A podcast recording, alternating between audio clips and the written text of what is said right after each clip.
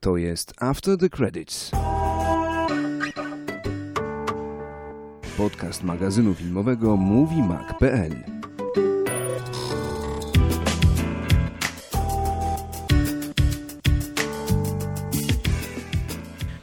A słuchaj, jak byłeś drugi raz na filmie, to dalej takie tłumy, jak w pierwszy dzień? Eee, nie.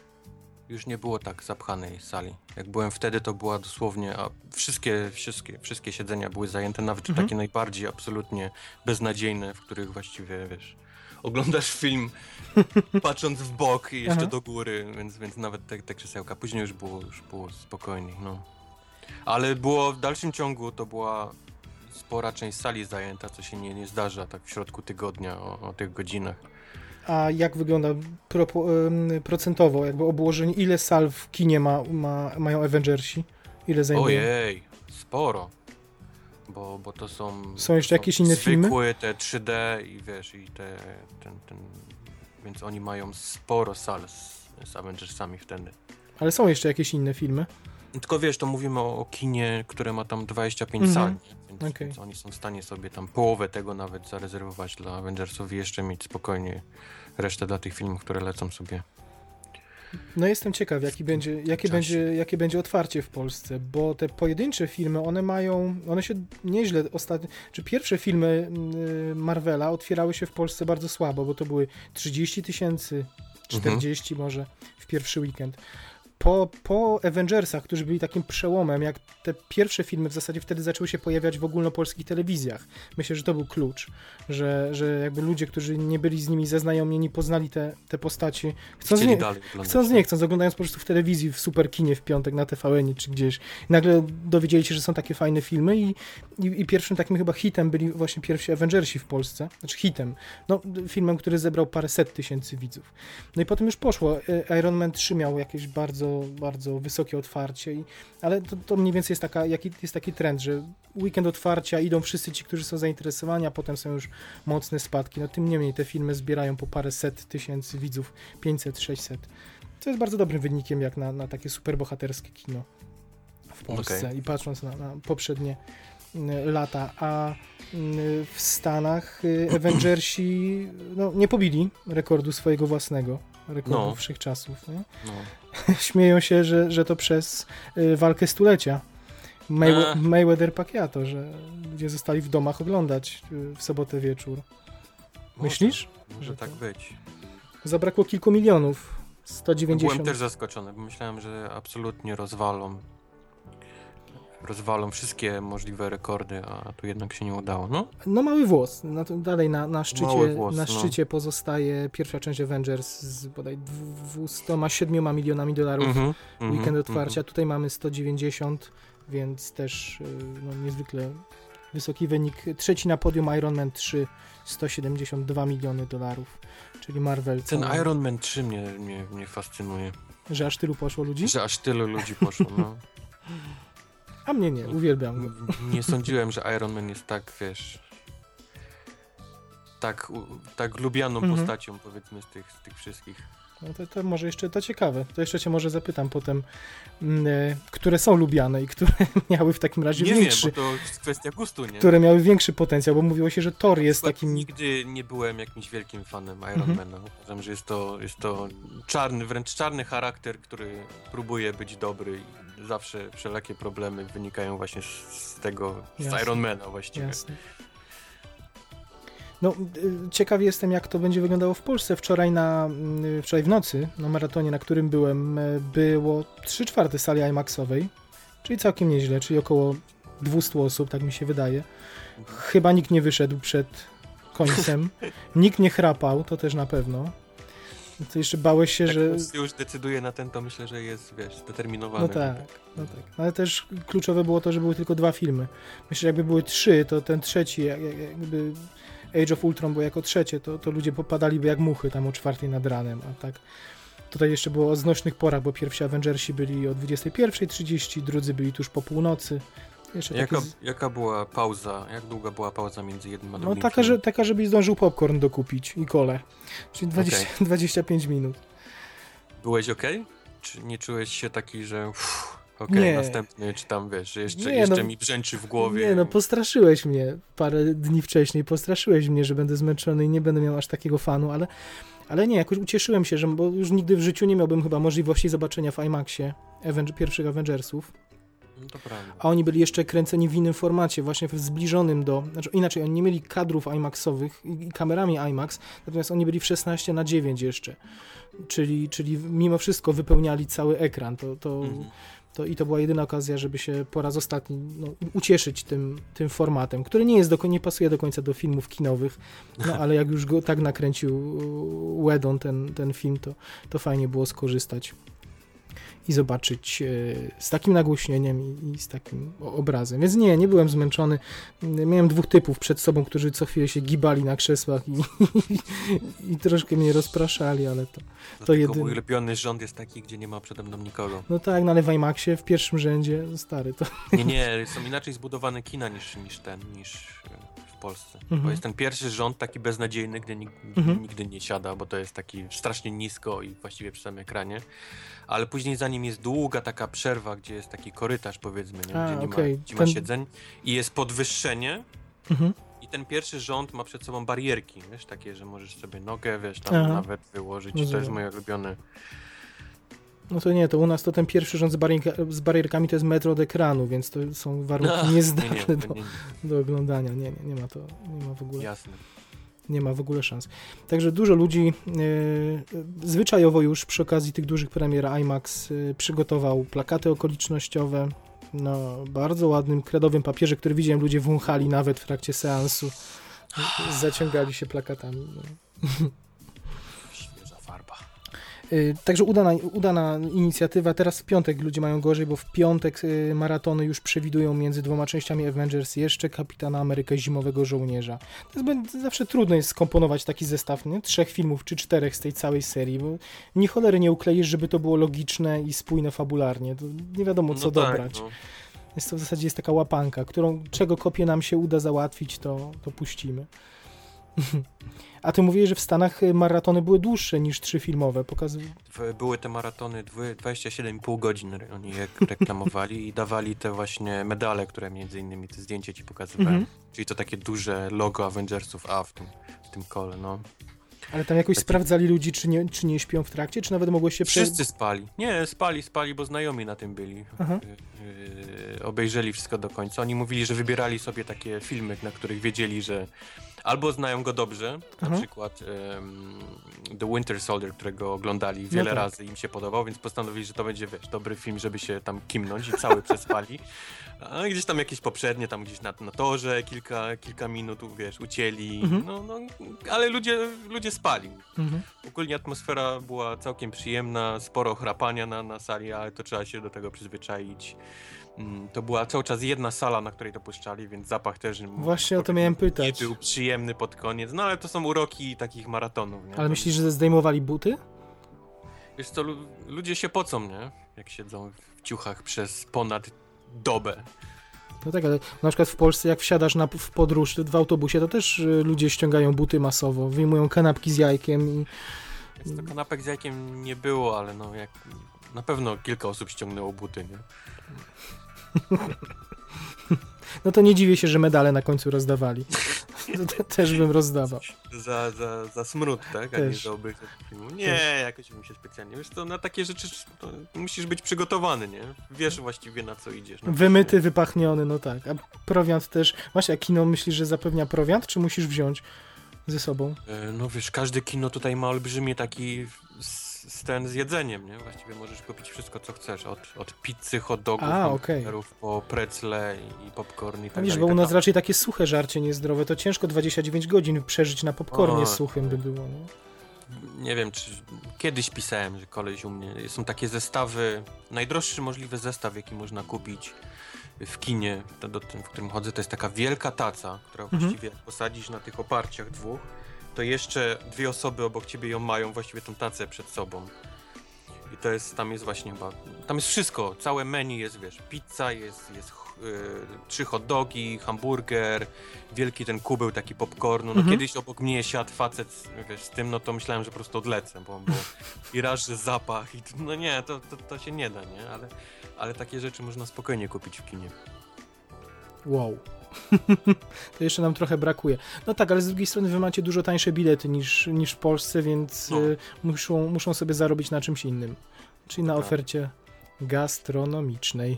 Dokładnie, no, bo bilet kosztuje powiedzmy 5 dolarów za film, ale jak chcesz te 5 dolarów powiedzmy zjeść, czyli kupić sobie kolę, kupić sobie popcorn, powiedzmy nawet tyle, Mhm. no to to już gdzieś tam z podatkiem już płacisz 15, czyli już 10 dolarów więcej. Tak, tak No drogie jest jedzenie, nie? W tych No tak. takich przybytkach. Więc oni, oni na tym głównie zarabiają, a nie na, nie na filmie, więc takie, tacy ludzie jak ja, którzy od razu z, z biletem walą, wiesz, do sali, zamiast No się tak. tam zatrzymać kupić, to są dla nich straszne pasożyty.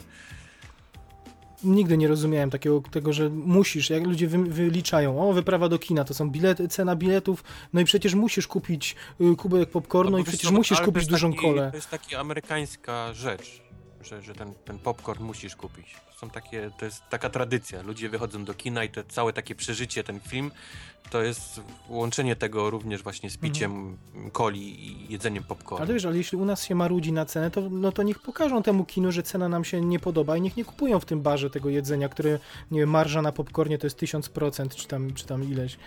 Yy, W sensie mm, tutaj, żeby jakoś protestowali? Znaczy nie, no protestować portfelem, no jak się ludziom nie podobają ceny Ale jedzenia. nie, to nie przeszkadza, wiesz. My, my, my trochę mamy inne podejście, bo my z kolei jesteśmy w kinie po czasami po dwa czy cztery razy w tygodniu, nie? A to są ludzie, którzy tam idą raz na trzy miesiące. A mówisz, że to rodzaj jest celebracji, no tak. No dobra. Celebracji, to Mhm. jest dla nich taka wyprawa. Jedźmy do kina, kupmy se popcorn, polejmy go tym, wiesz, tym, tym, tym masłem śmierdzącym. Mhm. Wiesz, tak, to jest całe to takie, cały ten experience, nie? Całe to przeżycie. A dla nas, wiesz, idę, chcę obejrzeć film i wyjść, nie? Bo mam, mam inne rzeczy Na do pewno. roboty, więc to jest takie... Nie obchodzi mnie właściwie No, jedzenie. No, ale A, mówię, ci, a ci ludzie z kolei są w stanie wydać każde, każde pieniądze na ten popcorn, no bo wiadomo, on musi być, bo to, po to no idą. tak, ale potem marudzą przez, na, na ceny jakby w, Znaczy ja wy- wiem, wypra- marudzą... wy- wyprawy do kina w Polsce. Że, że, o Boże, jaka ta wyprawa do kina w Polsce jest droga, bo oprócz biletu przecież muszę kupić popcorn, muszę kupić naczosy, muszę kupić przecież kole razy dwa i, a i zostawiam w kinie 120 zł, nie? No to właśnie mówię im, to, to apel do nich, to nie kupuj tego jedzenia, to idź na sam film, nie będzie bolało. A przy No, okazji nie będziesz... Jest, to już jest inna mentalność, wiesz, to już mówimy o polskiej i, i, i amerykańskiej mentalności, które różnią się od siebie diametralnie. Amerykanin nie narzeka na takie rzeczy. Mhm. No tak. A przy okazji, jak nie kupi tego popcornu, to nie będzie mi śmierdział popcornem, nie będzie mi mlaskał. Potem mniej będą mieć do sprzątania pracownicy też, bo przecież to jak świnie jedzą ten O popcorn Jezus potem. No, rozsypane ja, wszędzie. ja nie wiem jak ludzie jedzą, że on później jest po prostu rozsypany całkiem. No. Znaczy wiem, że można położyć kubek i go pchnąć nogą, nie? I się wysypia, ale czasami po prostu jak widzę jak ludzie wstają i co mają naokoło siebie, to jest mi aż, aż przykro. No, Powinni ro- robić im zdjęcie, taka ka- ukryta kamera i być ta tabli, tablica wanted najbardziej. Taki trzymany za, za twarzy. nie? Największe fleje, Nie największe-. Tak. Tak. Dobrze, troszkę nam y, zeszliśmy na, na inny temat, ale w sumie temat popcornu jest jak najbardziej na miejscu, bo mówimy o, o filmach y, no, ściśle związanych z nurtem kina tak zwanego popcornowego. Mhm. Chociaż postaramy się na tym nagraniu udowodnić, że, że tak nie do końca jest i wcale nie myślimy o y, adaptacjach komiksów Marvela jako o kinie li tylko popcornowym, ale że jest w tym też coś więcej. Witajcie, drodzy słuchacze, na drugim odcinku specjalnym podcastu After the Credits. Y, Od razu ostrzegamy. Dzień dobry, Wojtku. Jesteś tam? Y, Jestem. Ostrzegamy od razu, że od spoilerów nie uciekniemy. Będzie ich tutaj masa, także.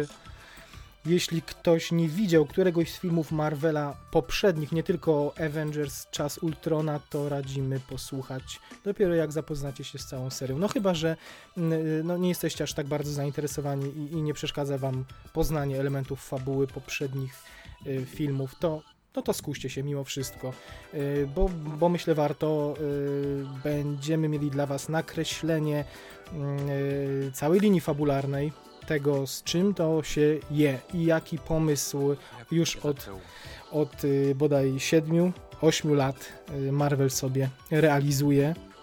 Do tego będziemy oczywiście chcieli się podzielić z Wami y, naszymi ulubionymi elementami poszczególnych filmów ze stajni Marvela, ulubionymi scenami, ulubionymi bądź też nieulubionymi czarnymi charakterami, decyzjami castingowymi, który, tym, które sceny po napisach są naszym zdaniem najfajniejsze. Y, o czym były filmy krótkometrażowe wypuszczane na, na Blu-rayu y, przy okazji premier do, do mojej wideoteki. Także postaramy się większość tych aspektów, które są związane z y, filmowym Marvelem poruszyć. Jeśli ktoś jeszcze nie widział, a chce mieć niespodziankę, chce się z tym wszystkim zapoznać, no to zapraszamy za miesiąc albo za dwa. Wróćcie do tego Odcinek klipu. nie ucieknie, będzie tu czekał na was. Będzie, a wam zajmie co najmniej miesiąc przemielenia tych wszystkich filmów, krótkometrażówek i, prze, przetrawienie i potem, potem możecie wrócić. 27,5 godziny jest wyliczone, ile trwają wszystkie, więc możecie sobie kiedyś zarezerwować tą, tą dobę. I same, filmy, godziny. same filmy same kinowe, filmy. nie? Bo... Możecie spokojnie w domu ściągnąć buty bez, bez jakiejś troski o innych. Bo nie mówimy o serialach, gdyby chcieli Bo nie mówimy seriale, o serialach, tak, tak. Marvela to chyba, to chyba drugie tyle. Mm. Wojtek, zacznijmy w takim razie od y, tego, na co ja czekam najbardziej, czyli od. Y, nazwaliśmy to pieszczotliwie timeline, ale mhm. chcielibyśmy, a przede wszystkim Wojtek chciałby, bo Wojtek oczywiście jest tutaj o wiele większym specjalistą niż ja. Y, Wojtek zjadł zęby na, na Marvelu i chyba masz przeczytane no, większość historii Marvela, jaka się ukazała, ja, prawda? Komiksowy. Staram się przynajmniej. Tego jest tak dużo, że pewnie nie, nie mam przeczytanych wszystkiego, ale, ale rzeczywiście staram się mieć przeczytane i staram się mieć rękę na pulsie, to, co się dzieje, co się działo. Jesteś tak bardzo pojętnym uczniem, że pamiętam przy okazji premiery Strażników Galaktyki, którzy to, e, których to pierwowzór komiksowy nie był aż tak e, no, popularny, chyba pisałeś, że przeczytałeś wszystko absolutnie, co się ukazało, tak? Tak, tak. Tak, przeczytałem całą, całą powiedzmy tą sagę i ona się już zaczyna gdzieś tam w latach, prawda, 60. i to jeszcze nie była ta ekipa, którą znamy z, z filmów kinowych. To była ciężka przeprawa, bo wiadomo, te, te stare komiksy już trochę się zestarzały i już nie są pisane tak jak, tak jak są pisane teraz. Trącą myszką, jak to się mówi. Trącą myszką, ale żeby mieć pojęcie od czego to się zaczęło, jak, jak powstawały pierwsze właśnie drużyny tych Guardiansów, no to trzeba było to przeczytać. No trzeba było, no, no trzeba było. No. ja jesteś mistrzem po prostu, jesteś mistrzem. Okej, okay. a jeszcze zanim zaczniemy, zapomniałem, miałem zareklamować. Yy, mamy kanał na YouTubie. Moi Mamy drodzy. nowy, świeży, pachnący. Jeśli ktoś ma awersję do iTunesa, do pobierania MP3, do dodawania RSS-ów, do aplikacji podcastowych, to jesteśmy również do znalezienia pod szyldem After the Credits yy, na YouTubie. Yy. Mhm. Także słuchajcie, nie ma reklam. Nie ma reklam. Klikasz play i słuchasz. Bez przeszkód, bez przerwy 3 godziny audycji. Y, nawiasem mówiąc, patrzymy na rozpiskę i y, sami, sami nas zweryfikujecie za, za niedługo, y, bo ten odcinek powinien trwać według przyzwoitości godzinę półtorej, ale nie zdziwię się, nie. Jak, jak to będzie znowu 3 godziny. Wybaczcie nam z góry, ale to jest zbyt ważny i kochany dla nas temat, żebyśmy się, żebyśmy mogli iść na jakieś kompromisy. Okej, okay, Wojtek, zacznijmy w takim razie. Kinowe uniwersum Marvela. Aha, i jeszcze powiedzmy mm, ten timeline, o którym będziesz przede wszystkim ty opowiadał, nie układamy według y, chronologii pojawiania się filmów w kinach. Y, tak będziemy nie. opowiadać już o samych filmach, y, tylko o chronologii wydarzeń, czyli bierzemy sobie po prostu kalendarz, cofamy się jakieś 70 Rysujemy lat. Rysujemy sobie taką linię, zaczynamy od, od początku i, i, i, rozpisujemy rzeczy tak, jak się działy po kolei, a nie działy się one właściwie, no tak jak mówisz, nie działy się tak, jak się pojawiały filmy mhm. w kinach. Czyli cofamy się do lat 40. i zaczynamy, jeśli mnie pamięć nie myli, od y, Kapitan Ameryki, pierwszego nie, nie, starcia. Nie, mój drogi. Jeszcze wcześniej? Dużo, dużo, dużo, dużo dalej. O, o dobra. Bo, bo dawno, dawno temu, zanim powstał jeszcze Wszechświat, istniało 6 bytów. A w ten sposób chcesz ukryć, okej, okay, okej. Okay. Nie będziemy się rozpisywać. W każdym razie w wyniku e, wielkiego wybuchu z tych 6 bytów powstało 6 kamieni, które znamy oczywiście teraz w uniwersum Marvela jako Infinity Stone, czyli te kamienie nieskończoności. Są one są ważne dla kina, dlatego zaczynam od tego. Są one również no, kamienie kryją w sobie olbrzymią moc i każdy z nich różni się oczywiście właściwościami. Wszystkie kamienie na początku należały do rasy o nazwie Celestian. Próbuję wam nakreślić, prawda, powiedzmy schemat -hmm. tego, skąd -hmm. one się wzięły. No tak, bo o nich nie było mowy na początku w pierwszych filmach, więc yy, one się pojawiły. Nie, bo wydaje mi się, że oni jeszcze wtedy do końca nie wiedzieli, że będą to łączyli w ten sposób, jaki połączyli, ale, ale udało im się to i, i, i warto Właśnie. o tym napomnieć, bo Właśnie, bo ludzie się zastanawiają, skąd się wzięły nagle jakieś świecące kamienie i dlaczego no są tak właśnie. tak ważne. Także wróćmy, przepraszam. Em, e, czyli ci, ci taka rasa tych obcych, ci Celestians, oni byli powiedzmy pierwszą rasą, która, która była w posiadaniu wszystkich kamieni naraz. Z niewiadomych e, powodów, bo komiksy nie opisują tego zbyt dobrze, oni utracili, przestali być w ich posiadaniu i kamienie trafiły w ręce takich ras jak na przykład ciemne elfy czy Asgardianie. Tu już jesteśmy bliżej tego, co wiemy. Em, tutaj też dostajemy właściwie pierwszą oficjalną wzmiankę o użyciu tych kamieni nieskończoności, którą datuje się powiedzmy na 5000 lat temu. Wtedy to armia ciemnych elfów pod przywództwem Malekifa, którego znamy z filmów. Z e, filmu Thor y, Mroczny Thor, Świat. Mroczny Mhm. Świat, tak. Próbuje dzięki Iferowi, to jest ten czerwony kamień dający nieskończoną siłę i wytrzymałość, e, zniszczyć dziewięć królestw. Ja wiem, to jest wszystko strasznie poplątane, ale dajcie mi, dajcie mi skończyć. Te, te, te dziewięć królestw to jest powiedzmy dziewięć takich światów, w których wchodzą w skład między innymi Asgard i Midgard, a Midgard my znamy oczywiście jako planetę Ziemię. Um, ojciec Odyna, Bor, Bor, Thor, to się ładnie tam wszystko oczywiście w ich mitologii rymuje, pokonuje te, te ciemne elfy i kamień, y, ten Ifer czerwony trafia w jego ręce. Przeskakujemy kilka tysięcy lat później, kiedy to Odyn, czyli syn Bora, ojciec Tora, pokonuje tym razem lodowych olbrzymów na Ziemi, to się dzieje wszystko, i adoptuje Lokiego. Tutaj mamy pierwszą wzmiankę o tym, skąd właśnie Tak, się bierze pierwszy Loki. taki ścisły łącznik już z y, filmami. Tak. Mhm, mhm. E, niebieski kamień, bo do niego teraz przeskakujemy, nazywa się Tesseract. On jest bardzo ważny, jest najczęściej pojawia się w filmach. On ląduje tym czasie, to też jest jakieś takie powiedzmy 5-4 tysiące lat temu na Ziemi. Ląduje nie wiadomo dlaczego w Norwegii. Prawdopodobnie, żeby to się łączyło tak ładnie z mitologią tam e, mm, północną powiedzmy, czyli tych wikingów, tych, tych e, Asgardu i tak dalej, i tak dalej. Teraz robimy szybki przeskok. Przenosimy się do roku 1935, czyli jesteśmy już bardzo blisko naszych czasów. I tutaj niemiecki naukowiec Abraham Erskine tworzy serum e, super żołnierza, ten Super Soldier Serum i zostaje zmuszony, by użyć go na niemieckim oficerze znanym nam jako Johannie Schmidcie. Tak powstaje kto? Red Skull. Red Skull, dokładnie. E, Red Skull po wybuchu II wojny światowej odnajduje właśnie w Norwegii ten Tesseract i przy jego pomocy zakłada Hydrę. Hydra w tamtym okresie to jest powiedzmy takie skrzydło e, naukowe nazistów do tworzenia jakiejś takiej dziwnej, zaawansowanej broni. E, I powiedzmy Red Skull to jest y, czarny charakter w y, pierwszym Kapitanie Ameryce, mhm, mhm, grany przez Hugo Weavinga. Dokładnie. E, W tym samym czasie w Stanach Zjednoczonych do wojska razem ze swoim kolegą Buckiem dostaje się Steve Rogers. E, Tam poznaje Howarda Starka, Peggy Carter i dzięki pomocy właśnie doktora Erskina, który teraz pracuje już dla, dla Amerykanów, e, zostaje super żołnierzem, czyli kapitanem Ameryką. I powiedzmy jeszcze, bo poznaje Howarda Starka, czyli ojca y, Tony'ego Howard Stark Starka. To jest oczywiście, tak, tak, to jest ojciec e, Tony'ego Starka, a Peggy Carter, no to jest powiedzmy miłość. Koleżanka z wojska i, i miłość Koleżanka z Wojka i Steve'a wielka Rogersa. miłość Steve'a Rogersa, Kapitana Ameryki, dokładnie.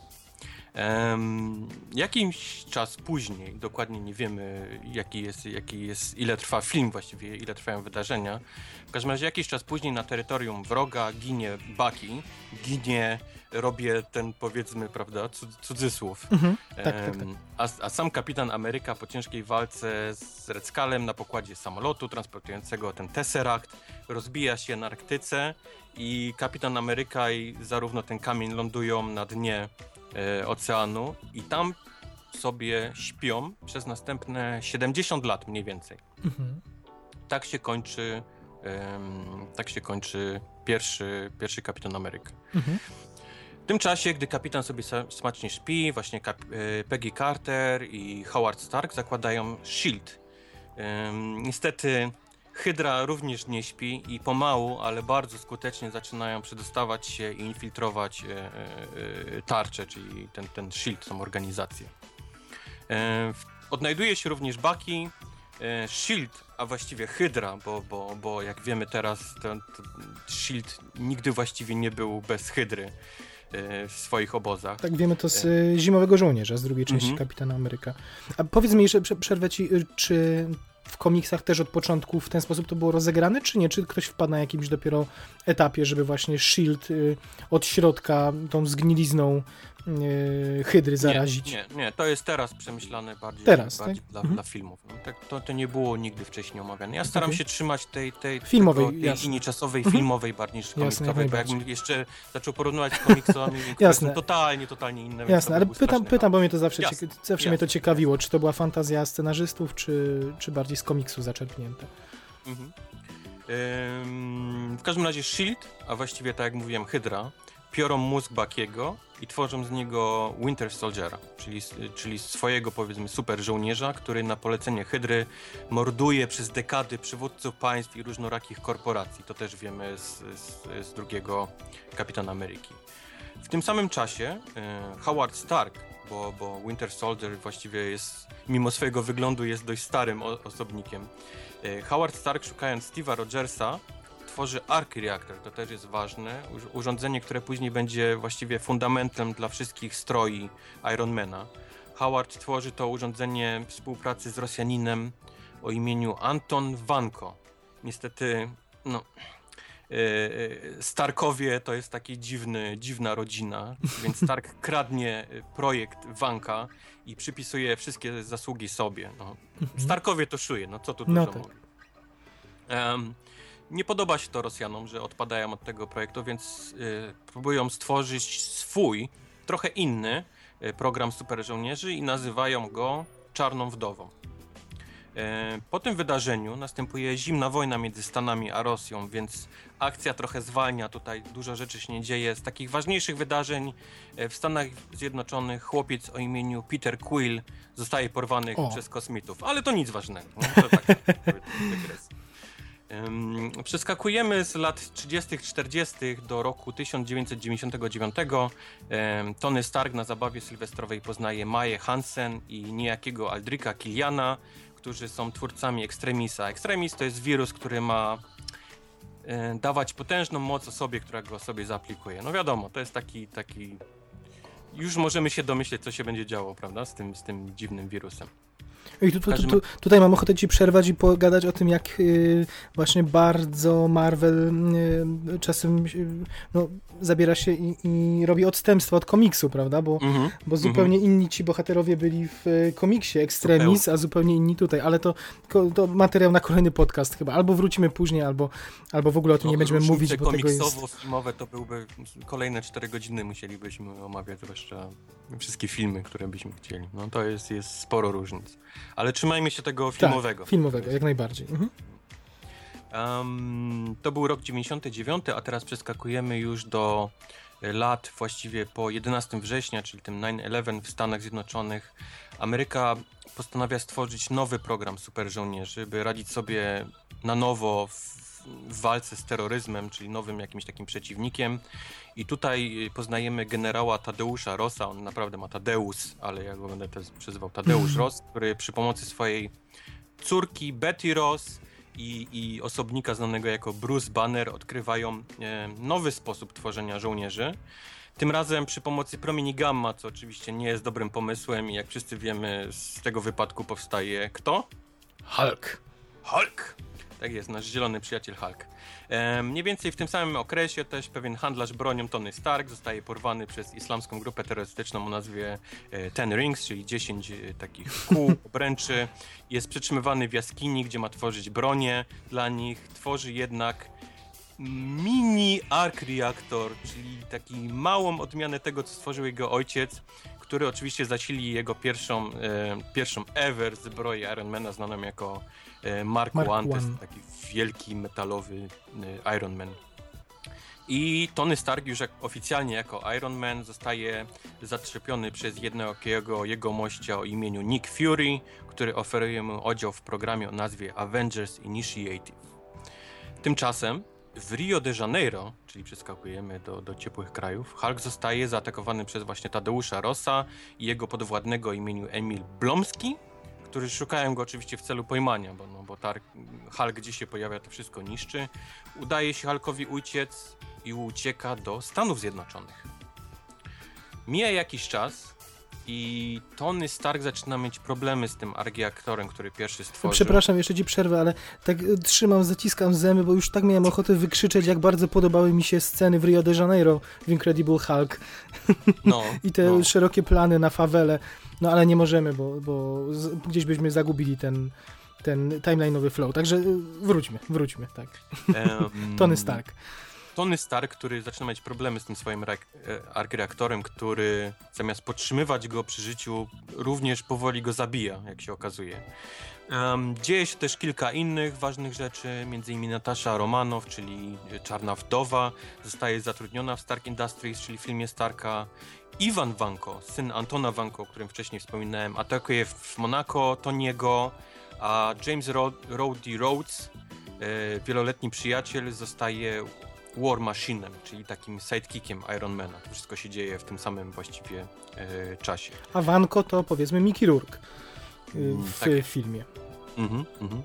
Przenosimy się teraz na chwilę do Asgardu, gdzie koronowany ma być Thor. Niestety podczas ceremonii atakują e, Asgard lodowi giganci. Thor w reakcji próbuje zaatakować Jotunheim, czyli tą, tą powiedzmy krainę lodowych gigantów, ale przegrywa sromotnie bitwę z gigantami. No Thor jest jeszcze w tym powiedzmy okresie dojrzewania, gdzie dużo pije, dużo mówi, a jeszcze nie potrafi się dobrze bić. No naszego blondaska ratuje właściwie w ostatniej sekundzie jego ojciec Odyn. Odyn jak to Odyn w gniewie odbiera Thorowi moce i wysyła go do Midgardu, czyli wysyła go do Na nas na ziemię. za karę. Tak jest. Podczas gdy nasz blondasek ląduje na naszej planecie, e, wracamy do Tony'ego Starka, który odkrywa nowy pierwiastek, który teraz będzie zasilał jego nowy ark reaktor. A mm, wciąż poszukiwany Bruce Banner, już, już tym razem już jest w, USA, szuka swojej miłości Betty Ross, którą gra Liv, Liv Tyler. Ech, Brakuje mi. Zapomnieli zupełnie o Liv Tyler. W, uniwer- w uniwersum mówisz, czy ogólnie o kinie? Uniwersum. Mhm, Mhm, mhm. mhm. Jest to ważna postać, dlatego mi jest smutno, że zupełnie o niej zapomnieli. Ale wrócimy też do tego omawiając Ultrona. Tak. E, wracamy znowu do Ironmana, tutaj się dużo przy nim dzieje. E, Iron Man wraz z War Machine'em pokonują Iwana Vanko. E, Nick Fury proponuje mu pracę jako konsultant w S.H.I.E.L.D. i by go przekozać, pokazuje mu demolkę, e, demolkę jaką Hulk stworzył w Rio de Janeiro. To jest taki małe, taki oczko wink, że, że pamiętają o Hulku, który nie jest ich. Em, dokładnie w tej samej minucie, w którym em, Nick Fury rozmawia z, e, z e, Iron Manem, z Tonym Starkiem, agent Coulson odnajduje na pustyni Mjolnira, czyli wielki młot Tora. Tora, który sobie też tam z nim wylądował. Em, Jane Foster, grana przez Natalie, Natalie Portman. Portman. Mówię, re- refreny będę wyśpiewywał. tak. Natalie Natalie Portman. E, Natalie Portman jest to naukowiec, e, znaczy Jane Foster, grana przez Natalie Portman, to naukowiec, który bada e, czarne dziury, między innymi taką, przez którą spadł Thor do nas. E, znajduje naszego oszłomionego blondynka. Em, agent Coulson kradnie jej badania bezszczelnie. Loki odkrywa, wracamy tutaj do Lokiego, Mhm. Loki odkrywa, że był adoptowany, co jest dla niego wielkim szokiem. A Emil Blomski, wspomniany wcześniej, to jest ten, ten żołnierz e, Mhm. Tadeusza Rossa, zostaje super żołnierzem dzięki serum stworzonemu z krwi Halka. Więc- Grany więc- przez Tima Rotha, tak? Ten bohater. Tima tak, więc, więc zaczyna, zaczyna się tutaj dziać u nas w tym, w tym naszym uniwersum. E, Thor próbuje odzyskać swój młot, ale okazuje się, że wciąż nie może go podnieść. No, nie jest jeszcze, jeszcze e, jak to się mówi po polsku? Godzien, tak? Godzien, Mhm. żeby go podnieść. E, wtedy też pierwszy raz spotykamy Hawkeye'a. Pamiętasz tą scenę taką na tym dźwigu? O Jezu, wrócimy taka do niej. postać. Wrócimy do niej, tak. Pamiętam. Dokładnie. Hulk, w tym, w tym czasie Hulk niszczy uniwersytet. E, to się dzieje gdzieś tam w okolicach Bostonu. On, on totalnie ten uniwersytet sobie tam niszczy, sobie po nim biegając. A w Nowym Meksyku e, Thor zakochuje się oczywiście w Natalii Portman. E, adoptowany Loki wysyła do nich Destroyera, żeby... Destroyer to jest taki wielki robot, który, który używają w Asgardzie do bronienia, powiedzmy, Tak, Asgardu. czyli, czyli finałowe sceny z pierwszego Tora, tutaj mówimy, które Mhm. w Nowym Meksyku się rozgrywały. Mhm. Em, Destroyer y, ma oczywiście zadanie zniszczyć Tora i tym samym dać tron Asgardu Lokiemu. Thor, poświęcając swoje życie, ratuje Natalie Portman, odzyskuje swoje moce, no bo już wtedy jest godzin. Skoro Mhm. jest w stanie się poświęcić, to jest godzin. I wraca do Asgardu, gdzie bije Lokiego i go pokonuje. Em, tymczasem nasz zielony przyjaciel Hulk walczy z Emilem Blomskim, znanym już teraz jako Abomination, bo tak, tak na, Mhm. taką ma nazwę ten, ten potwór. I razem praktycznie niszczą całą dzielnimę, dzielnicę Nowego Jorku, która nazywa się Harlem. E, Współczuję ludziom, którzy mieszkali w Harlemie w tamtym okresie, kiedy oni się bili. To, to nic nie zostało właściwie z tej dzielnicy. Um, Banner wygrywa, ujarzmiając Hulka. Dzięki temu właśnie, że jest w stanie go trochę opanować. E, częściowo ma nad nim kontrolę, więc dzięki temu wygrywa. Ale by nie siać więcej zniszczeń, e, ucieka do Kalkuty, gdzie się za, zaszywa. Zaszywa się w Kalkucie, do tego wrócimy jeszcze. Em, w tym czasie odnajduje się Steve Rogers. E, wraz z nim odnajduje się także Tesseract, czyli ten niebieski, ta Tak, niebieska. czyli rozmrażają Kapitana Amerykę. Rozmrażają Kapitana Mhm. Amerykę, e, eksperymentują również właśnie na tym Tesseractie, na tym, na tym, na tym niebieskiej kuleczce. E, Shield prosi doktora Erika Selviga, aby pomógł im, aby pomógł im eksperymentować nad tym. Nad tym O, właśnie- uwaga, ciekawostka. Doktor Selvig jest w Krakowie właśnie. O, tak, mamy PKO Off Camera Festival i, i Stellan Skarsgård jest jednym z gości festiwalu. Koniec ciekawostki, jedźmy dalej. Super, super. E, tymczasem Borem Lasem e, wraca Loki, który od Thanosa, tu już się pojawia, który od Thanosa dostał nowy Infinity Stone, czyli tą, tą, tą całą tą jego laskę taką zakrzywioną z tym, z tym kamieniem w środku. Mhm. Czyli, Oczywiście my Thanos, jako widz jeszcze wtedy nie wiemy, nie? czyli Thanos pojawia się w tym momencie po raz pierwszy, tak? Mhm, mhm. Tu, tu Thanos w tym momencie właściwie zaczyna planować e, zbieranie wszystkich kamieni. W każdym razie u- znajduje Lokiego, e, daje mu nowy kamień, daje mu tą laskę, daje mu całą armię obcych o nazwie Chatari, którzy mają zadanie, jego zadanie to zebrać resztę kamieni dla Thanosa oczywiście, a przy okazji Loki jakby podbił ziemię, no to byłoby, prawda, e, dwa, dwa ptaszki z jednym kamieniem, jakby się udało. Mhm. Pierwszy raz tworzy się grupa superbohaterów The Avengers w tym momencie. E, Pół Nowego Jorku zostaje zniszczone. E, Zostaje zniszczona również wieża e, Tony'ego Starka. Mhm. Mhm. Ale Avengersom udaje się wygrać z Lokim. Tony Stark z kumplem Bruce'em Bannerem odbudowują Stark Tower. Teraz, teraz Stark Tower nazywa się od tej pory już Avengers Tower. Przez to takie ładne A, które zostało. Tak- Na samym końcu, w ostatnim ujęciu. Tak. Tak. tak, Um, jeśli liczyłem, że gdzieś tam jeszcze da Pepper, y, obiecał jej wsadzić, tak? zrobić ją współudziałowcem tego wieżowca. Więc miałem Mhm. nadzieję, że tam gdzieś ją dopiszę. No ale, ale chyba y, no, już y, nie bardzo chcą widzieć y, Gwyneth Paltrow w tym uniwersum, więc Chyba nie. odpuścili takie puszczanie oka. Przepraszam cię, jedźmy dalej. Em, Odbudowali skończyć? odbudowali Stark Odbudowali, Tower. tak, Avengers Tower. E, Scarlett Johansson kręci się przy Kapitanie Ameryce, który pomaga teraz SHIELD w jakichś różnorakich misjach, e, w cudzysłowiu pokojowych. Thor za to udaje się do Asgardu, gdzie zamyka Lokiego w więzieniu, a Hawkeye? Hawkeye mm, ponoć ma babę i dziecko, ale na razie nikt nic o tym nie wie, więc, więc na, tym, na tym zostawmy tą historię. Przenosimy się do czasów e, po ataku właśnie Czatari, po ataku obcych na ziemię. Em, wszyscy nasi bohaterowie wciąż liżą swoje rany. Najgorzej przeżywa to Tony Stark, który podczas bezsennych nocy tworzy całą armię nowych zbroi. Nie może spać, nudzi się, no to, to sobie buduje. I tutaj E. do, dodajmy może, to myślę ciekawostka warta wspomnienia, że w filmie te jego fobie, to myślę, że o tym jeszcze będziemy mówić, Mhm. wynikają z, no, z przeżyć po mm, bitwie o Nowy Jork w Avengersach. Natomiast w komiksie on po prostu popadł w Alkohol. alkoholizm. Mhm. Natomiast to, że to są e, filmy PG-13 i oglądane z dubbingiem przez dzieci, no to, to tak poważnych problemów twórcy uznali, że nie, nie warto poruszać. Chyba szkoda, prawda? Ale to, to no mniejsza, mniejsza o to. No Trochę, cóż, mu, musi być gdzieś ten balans niestety między osobami, które tak naprawdę oglądają te filmy, a... Troszkę to było mało wiarygodne, bo wcale nie widziałem w Avengersach, żeby Tony Stark szczególnie się przejął tym, że, że co tam się działo i tym, że... No bo- to właśnie to prawda, to prawda. No. Nie, Ale- nie wyglądało to w Avengersach, a później dostajemy Ironmana, który nagle jest w ciężkiej depresji. Musimy wierzyć w tę depresję, to nie zagrało. No ale nic, e, przepraszam, to znowu dygresja niepotrzebna. Jedźmy Nie dalej. Spokojnie. Um, w każdym razie no taka sielanka tego takiego budowania zbroi po nocach trwa do czasu, gdy terrorysta znany jako Mandarin prawie zabija jego kolegę Johna Favreau. E, pamiętamy, John Favreau to jest... Reżyser pierwszych dwóch części Ironmana, tak. Oczywiście, ale, ale w, w tym uniwersum Marvela to jest przyjaciel Tony'ego Starka. I ochroniarz. Ochroniarz i udziałowiec. No, taki lokaj trochę. Komediowa postać generalnie. Mhm. Mhm. Więc Mandarin w wybuchu prawie zabija Johna Favreau. Um, Mandarin jednak okazuje się być tylko pionkiem w rękach Aldricha Kiliana. Tutaj wracam do tej postaci. E, który teraz ma supermocy dzięki właśnie programowi Extremis. No cóż, no Iron Man przy pomocy wszystkich właściwie swoich zbroi, War Machina i tutaj również Gwyneth Paltrow, czyli widzimy ją po raz ostatni, pokonają Kiliana.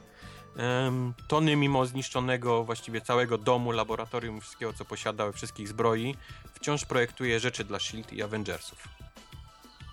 Um, Jakiś czas później, a może to był ten sam okres, nie wiemy właściwie, Natalie Portman odkrywa nową planetę. To jest jedna z tych, które wchodzą w składy dziewięciu królestw, o których wcześniej wspominałem. I zostaje przez to napromieniona iterem, to jest też ten czerwony kamień.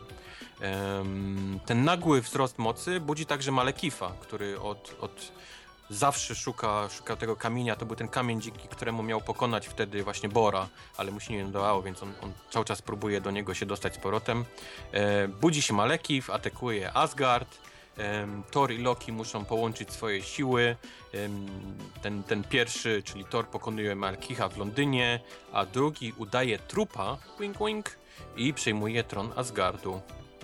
E, tymczasem Aleksander Pierce, przenosimy się z Asgardu do, do Stanów Zjednoczonych, atakuje Nika Furiego. Aleksander Pierce to jest taka wysoko położona postać w SHIELD, która okazuje się, że jest tak naprawdę z Hydry. Y, to e... Robert, mówimy o Robercie Redfordzie, którego Robercie pamiętacie Redford. z Zimowego Żołnierza. Mhm. Mhm, mhm. Um, Aleksander Pierce y, atakuje Nika Fury'ego. Nick Fury oczywiście musi zejść do podziemia, tam się ukryć. E, a sam kapitan Ameryka w czasie walki w Bostonie odkrywa, że Winter Soldier to Bucky. Zaskoczenie. Nikt się tego nie spodziewał. Ale to nie wszystko. No. Steve Rogers odkrywa także, że SHIELD został zinfiltrowany przez Hydrę lata, lata, lata, lata temu. Tutaj właśnie się o tym dowiadujemy. Nick Fury razem z Czarną Wdową, Falconem, którego poznajemy po raz pierwszy raz i oczywiście samym kapitanem niszczą SHIELD. Niszczą SHIELD, a właściwie niszczą, próbują zniszczyć Hydrę. W tym samym czasie jegomość zwany jako Baron von Strucker eksperymentuje przy pomocy laski Lokiego, to jest ta laska, którą dostał od Thanosa. E, eksperymentuje na rodzeństwie Maximowie.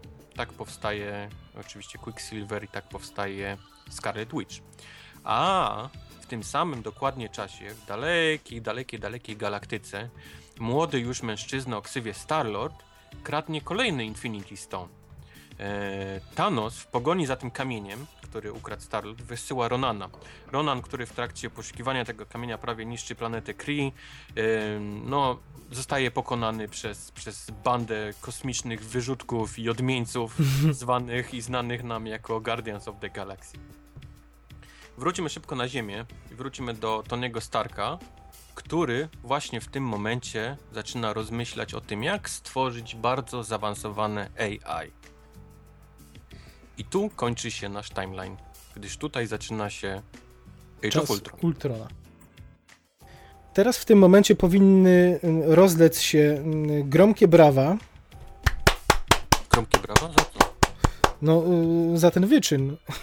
mieć, no tyle, mieć tyle informacji w głowie i, i w zasadzie bez zająknięcia powinieneś w telewizji pracować.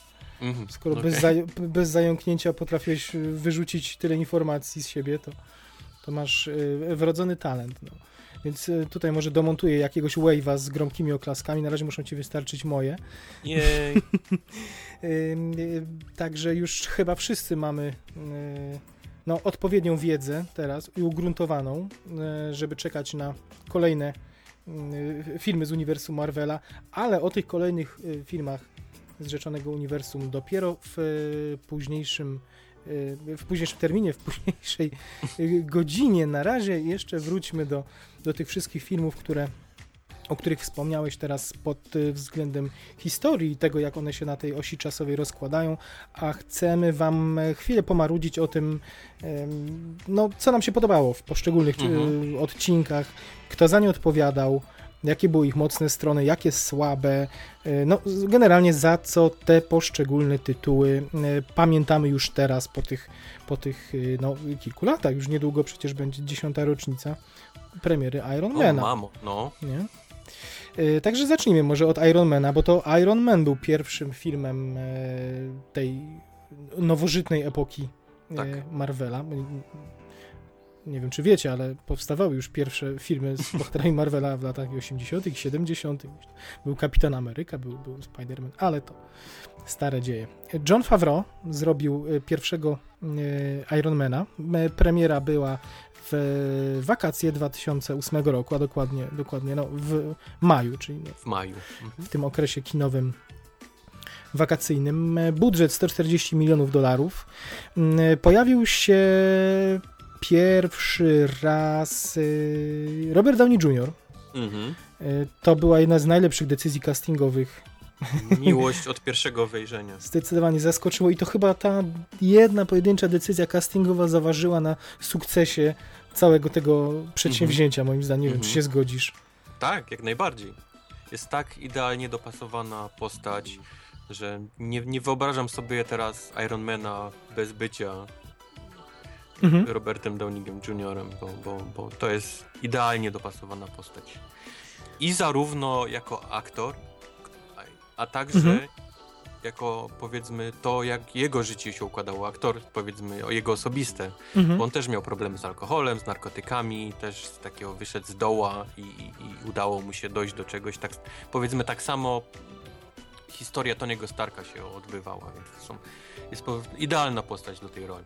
I on tym chyba, y, przy- nie wiem, poprawnie jeśli się mylę, Downey Jr. właśnie chyba tym filmem powrócił do tej pierwszej ligi y, Hollywoodu, prawda? Nie wiem, czy miał, się, czy zgadza miał się. równie udany film y, wcześniej. Nie miał, był dość zapomnianym aktorem i, i tutaj wrócił znowu na to światła Jupiterów. Fantastycznie, no to odwaga, odwaga niesamowita Marvela w zatrudnieniu w zatrudnieniu go na tym stanowisku.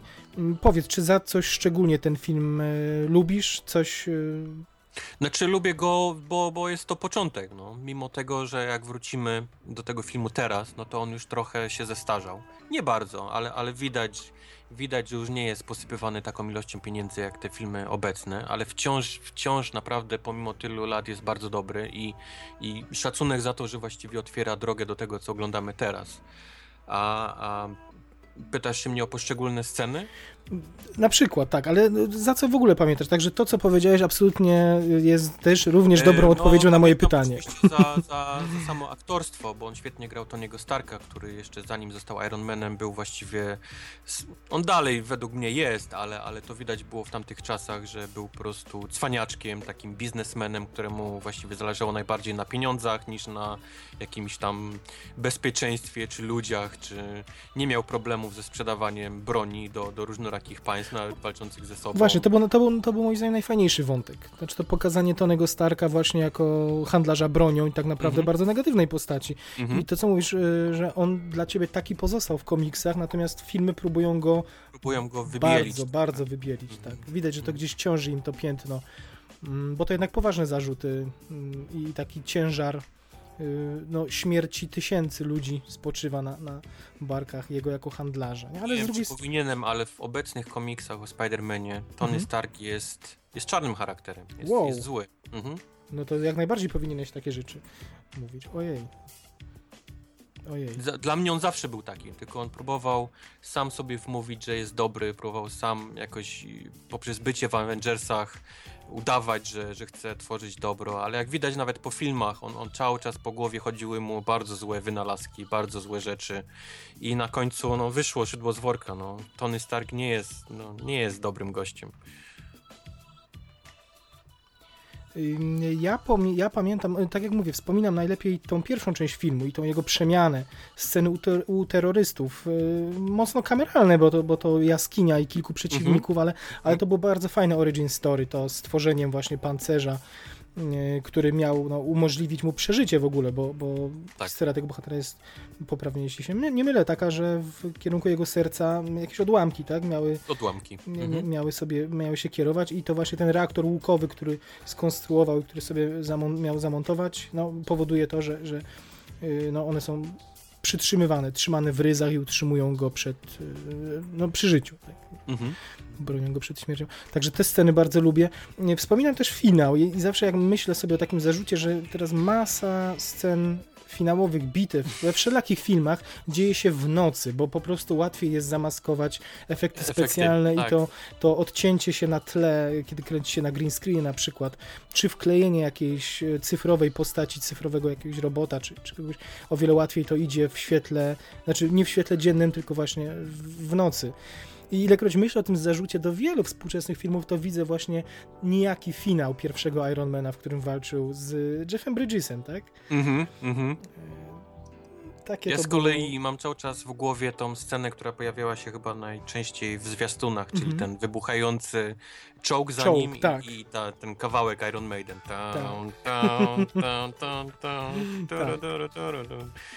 Tak, tak. Ale zadziwiająco mało scen akcji było w tym filmie. Był bardzo skupiony na, na najpierw skonstruowaniu tego, tej postaci e, Tonego Starka, Ale potem... ja myślę właśnie, że to jest to, co wypaliło najbardziej. Że to nie Mhm. był film obłożony wybuchami i lataniem i strzelaniem laserami, tylko to był film skierowany głównie na origin, Mhm. co jeszcze w tamtych czasach nie było tak popularne, żeby robić filmy o superbohaterach i, i mało akcji w nich zamieszczać, a mówić więcej o tym, o problemach psychologicznych i takich powiedzmy kulisach Mhm. powstawania superbohaterem. To było Jasne. świetne, to mi się podobało. No.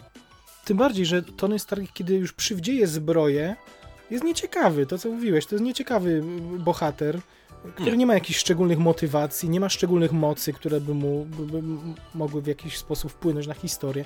Nie, on, dlatego trzecia część, o której będziemy mówić, jest takim swoistym wotum nieufności nawet w stosunku do niego, bo on tam ani raz tej zbroi nie zakłada. Mhm. Ale to jeszcze, to jeszcze wrócimy.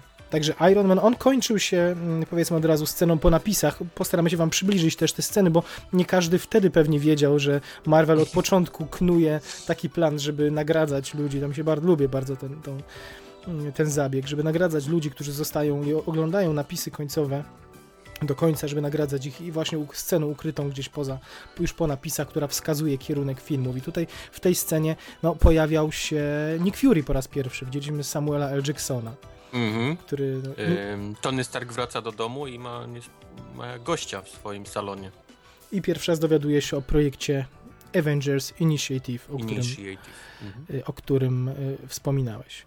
Także to był 2008 rok, jeszcze film pod skrzydłami głównie Paramount Pictures, to jeszcze Tak. zanim Marvel zaczął tworzyć swoje y, filmy samodzielnie, zanim stworzył swoją własną y, dywizję Mogę się tylko spodziewać min y, po obejrzeniu filmu w Marvelu i, i, i tekstów typu dlaczego my tego nie robimy? Tak, tak, tak. To od razu możemy powiedzieć, że, że parę lat później y, udało im się dogadać i, i prawa do tych filmów wróciły do Marvela, do, do Mhm. Ironmana pierwszego, do, do Incredible Hulk również. Y, Zresztą to się dzieje teraz. Mar- Marvel bardzo agresywnie próbuje odzyskać wszystkie swoje prawa do wszystkich swoich postaci. Co jest y, nie in- dziwne, prawda? Między innymi Hulk, Hulk jest coraz bliżej powrotu do, do, do Marvela teraz. Mhm, mhm. A także X-Meni. Marvel jest bardzo agresywny w związku z odzyskaniem X-Menów. Ale tu będzie bardzo ciężko. Jeśli tam jest faktycznie ten zapis, że musi minąć 5 lat bez realizacji filmu, żeby wróciły, to, to nie, nie spodziewam. No chyba, że Wszystko jakieś rozbija się o pieniądze. chyba, że, że, że zapłacą jakieś olbrzymie Sparują oczywiście, że Mm. tak. Bo im się to zwróci w pierwszym filmie. Jeszcze jedna mała ciekawostka a propos Ironmana. Jedną z decyzji castingowych y, miała być ta, że zagra go Tom Cruise. Był brany, Tak. po, był brany pod uwagę. Na Mhm. szczęście, na szczęście to się nie. Znaczy, na szczęście, ja Toma Cruise akurat lubię, natomiast no, to by była za mocna osobowość, która by, myślę, przytłoczyła, a tutaj y, no, Downey Jr. mógł Tom Cruise wykreować ma na niestety za sobą ciągnie stygmę swojej wiary Jasne. i to się nie zmienia w Stanach od, od, już od dawna, dawna, więc ciężko by było mieć Tony'ego Starka jako jeszcze eh, jakiegoś wyznawcę dziwnych kościołów. No pewnie. Y, dalej, y, Incredible Hulk, o którym Mhm. już y, no, mówiłeś w, dziale, w dziale z timeline, tak, tak, a ja się wyrywałem odnośnie sceny w Rio de Janeiro, strasznie lubię te pierwsze sceny, te pierwsze Tak, ja kadry, ym, gdzieś z, z drona, być może, nie, z helikoptera, chyba wtedy jeszcze drony nie były wykorzyst- było kręcone. wykorzystywane przecudowne, kiedy Edward Norton biegnie po dachach faweli, no jedne z najpiękniejszych kadrów. Ubóstwiam, ubóstwiam. I dlatego ten film ma taki dla mnie strukturę coraz bardziej zjazdu w dół, bo, bo ten początek dla mnie był piorunujące wrażenie, potem było coraz gorzej i ta finalna bitwa z Abomination, y, też ją bardzo lubię akurat w Harlemie. Y, Mhm. Efekty specjalne przede wszystkim, ale też dziejąca się w nocy, tutaj dodajmy znowu. Tak, To ten tak, mój znowu zarzut. ciemno strasznie i Mm. dużo takiego światła w Mhm. oczy, żeby nie było widać tych efektów specjalnych. Jasne, jasne. Y, Masz coś, jakiś jeszcze y, szczególny element, który lubi? No Liv Tyler, właśnie, do Liv tego Tyler, no to jest chyba mój największy. Ja po prostu plakaty, kocham się Mhm. i, i, i tak dalej, i tak dalej. No. Brakuje mi tej postaci strasznie. Jest to ważna postać dla, dla samego Hulka. Y, zarówno jego origin, jak i późniejsze historie to jest, jest, jest Betty. Y, Betty Ross jest bardzo Mhm. ważną postacią i w- wycięli ją, no. Ale to jeszcze wtedy były czasy, kiedy oni nie myśleli o uniwersum Marvela i, i no, nikt nie podpisywał długich kontraktów. a- Jasne. Mhm. jeden film i później już nie chce kręcić następnych Hulków. No, tak tak ni niestety wygląda kilka postaci, które no, Gwyneth Paltrow między innymi, Natalie Portman, te wszystkie postacie się wykręciły teraz już w dalszych części Marvelowskich.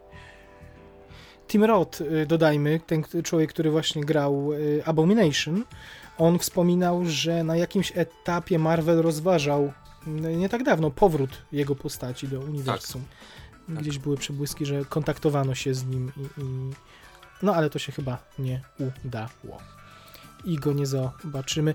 Edward Norton, który grał Hulka, możemy opowiedzieć krótko, dlaczego y, teraz jest Mark Ruffalo, bo mu- ludzie mogą być zdezorientowani. Mhm. To nie jest kwestia tego, że y, Incredible Hulk robił Paramount, a, a Marvel robi te, teraz jakby filmy z Hulkiem jako członkiem Avengers. Chodziło bardziej o to, że Edward Norton, Orton jest niezwykle trudną postacią, to raz, y, do współpracy, człowiekiem, dwa, że niezwykle też człowiekiem ambitnym i on e, no, wprowadził masę poprawek do scenariusza. E, Natomiast już w efekcie końcowym, kiedy zobaczył film po montażu i okazało się, że te wszystkie jego poprawki zostały wyrzucone, to no to obraził się. Jeszcze powiedzmy jedną ważną rzecz, przypomnijmy, może nie, nie wszyscy pamiętają, Mhm. że Paramount ma e, prawa do filmów tylko z Hulkiem. Tak, Do postaci Hulka. Mhm. postaci Hulka, filmów tylko z Hulkiem ma, ma prawa Paramount, ale Marvel ma z kolei prawa do Hulka, ale muszą być inni bohaterowie też ich, jego uniwersum, żeby mogli nakręcić film. Nie wiem, kto to kiedykolwiek podpisywał i, i wymyślał tę ten, ten, ten ustawę, ale udało im się. Gratuluję. Strasznie głupie. Ja muszę powiedzieć, że lubię też ten film za to, że on od razu, jest od razu strzał, jest od razu akcja, konkretna historia, że nie oglądamy ponownie tej całej historii zamiany Bruce'a Mhm. Bannera, napromieniowania go. To pokazał y, Ang Lee w swoim Ang Lee. y, Mhm. filmie, który był dziwnym filmem, ale jest filmem bardzo oryginalnym też jako kino komiksowe. Polecamy się zainteresować. Mm, Nie wiem, czy lubisz ten film Angali? Lubię, Ten Hulk. Lubię, lubię, no. Przez, przez tą dziwaczność właśnie. Jest totalnie Jest, inny. jest totalnie właśnie, inny, tak. no. No i na szczęście tutaj reżyser zdecydował się na, na pominięcie tego wątku no, powstania, tego originu bohatera, co też się co też się chwali. Czy coś jeszcze a propos Incredible Hulk? Nie.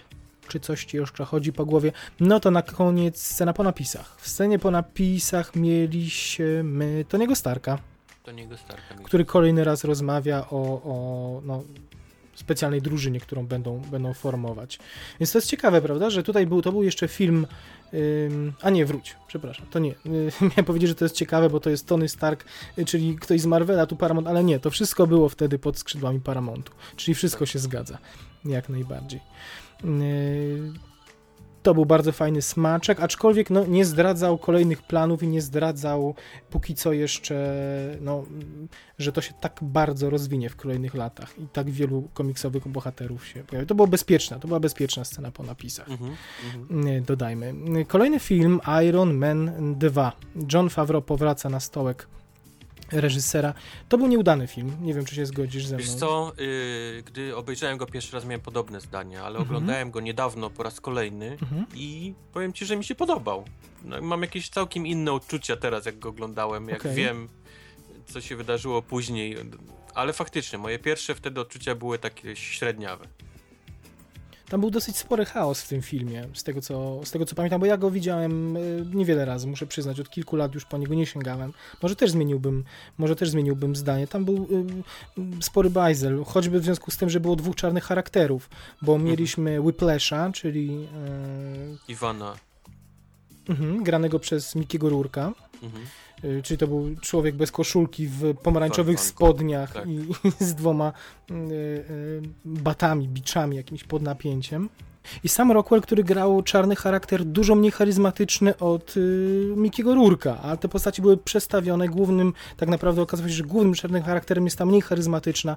To dla mnie trochę rozsypało ten, ten film. Do tego najbardziej widowiskowa scena była właśnie w samym środku filmu, a nie w finale. To mam na myśli teraz wyścig y, Formuły 1 w, O, w okej. Monako, tak?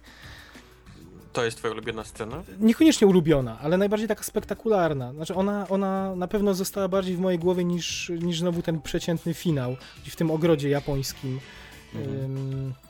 No tak. Notabene dodajmy, że oni, no to, to miał być wyścig Formuły 1, natomiast nie mieli licencji, nie mieli praw do wykorzystania marki, więc No wymyślili właśnie, jakąś... o, o, ile, o ile pierwszy film udał się Favreau, bo był takim powiedzmy originem, tak drugi już taki typowo komiksowy, gdzie już znamy postać, już mu się nie, nie, nie udał, to już taki strasznie był sztampowy, powiedzmy, przynajmniej tak wtedy myślałem, już taki bardzo komiksowy, jeden do jeden próbujący wręcz i, i, i to się nie udało. Pojawiał się w każdym razie w nim po raz pierwszy ten wątek ojca Tonego Starka właśnie gdzieś tam po, Mhm. pobrzmiewał. To były zalążki kreowania czegoś, czegoś szerszego na to. On sobie oglądał na takim starym projektorze Tak, właśnie ten, ten Ark Reactor e, Howarda Stark. I w tej części po raz pierwszy też, przepraszam, zobaczyliśmy mm, Czarną Wdowę. Czyli No Scarlett właśnie, Johansson. Moją ulubioną scenę w tym filmie, czyli ta scena w korytarzu. Aha, aha.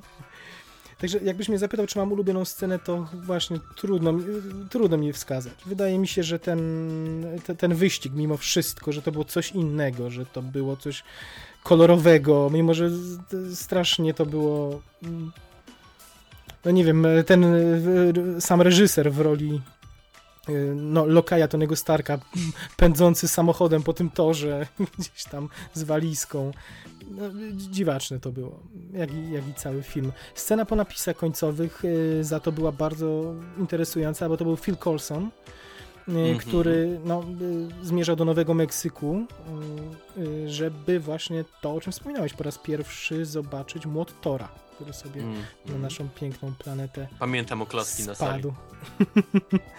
no to widzisz, to ja podejrzewam, że w Polsce to było niezrozumiałe w, na tamtym etapie. Pamiętam, że to była noc, poszedłem na nocną premierę w czwartek, z czwartku na piątek właśnie Ironmana i, Mhm. i to są te premiery, o których wspominałem, czyli ludzie przebrani, Przebrani. Naj, największe Aha. nerdy i friki i, i fani. O, gromkie oklaski, gdy, gdy pokazali ten Mjolnira, ten młot. Dodajmy, mm, premiera y, drugiego Ironmana to był kwiecień 2010 w Polsce. 10. Mhm. y, W Stanach 7 maja 2010, czyli Tak. tutaj znowu kwestia tego długiego weekendu, że u nas wycelowano, wycelowano jeszcze przed. I był ogromny budżet tego filmu. To było ponad 200 milionów dolarów. To Mhm. było jeszcze czasy zanim Marvel zaczął dbać o finanse. Sypać kasą, tak, to prawda. Marvel bardzo trzyma na wodzy budżety i no, może poza Avengersami te wszystkie filmy mają e, ograniczony raczej do 150 milionów dolarów. E, Starają się nie wychylać po, poza to. E, Iron Man II miał wiele, wie, o wiele, wiele wyższy ten budżet. Wydaje mi się, że to było więcej nawet niż 200 milionów dolarów. On był też długi, on był, e, wydaje mi się, że... A nie, nie, trwał, trwał dwie godziny. To może mi się tak dłużył. Okej, tak go jakoś zapamiętałem jako, jako film bardzo długi. E, tak, także tutaj no, Paramount nie bał się inwestować. E, To było widać, to, to on był wizualnie dopieszczony. Bardziej niż, niż fabularnie, niż scenariuszowo. Niestety. E, Czy coś jeszcze o Iron Manie? Chyba nie. Chyba nie, prawda? Um, O drugim Iron Manie.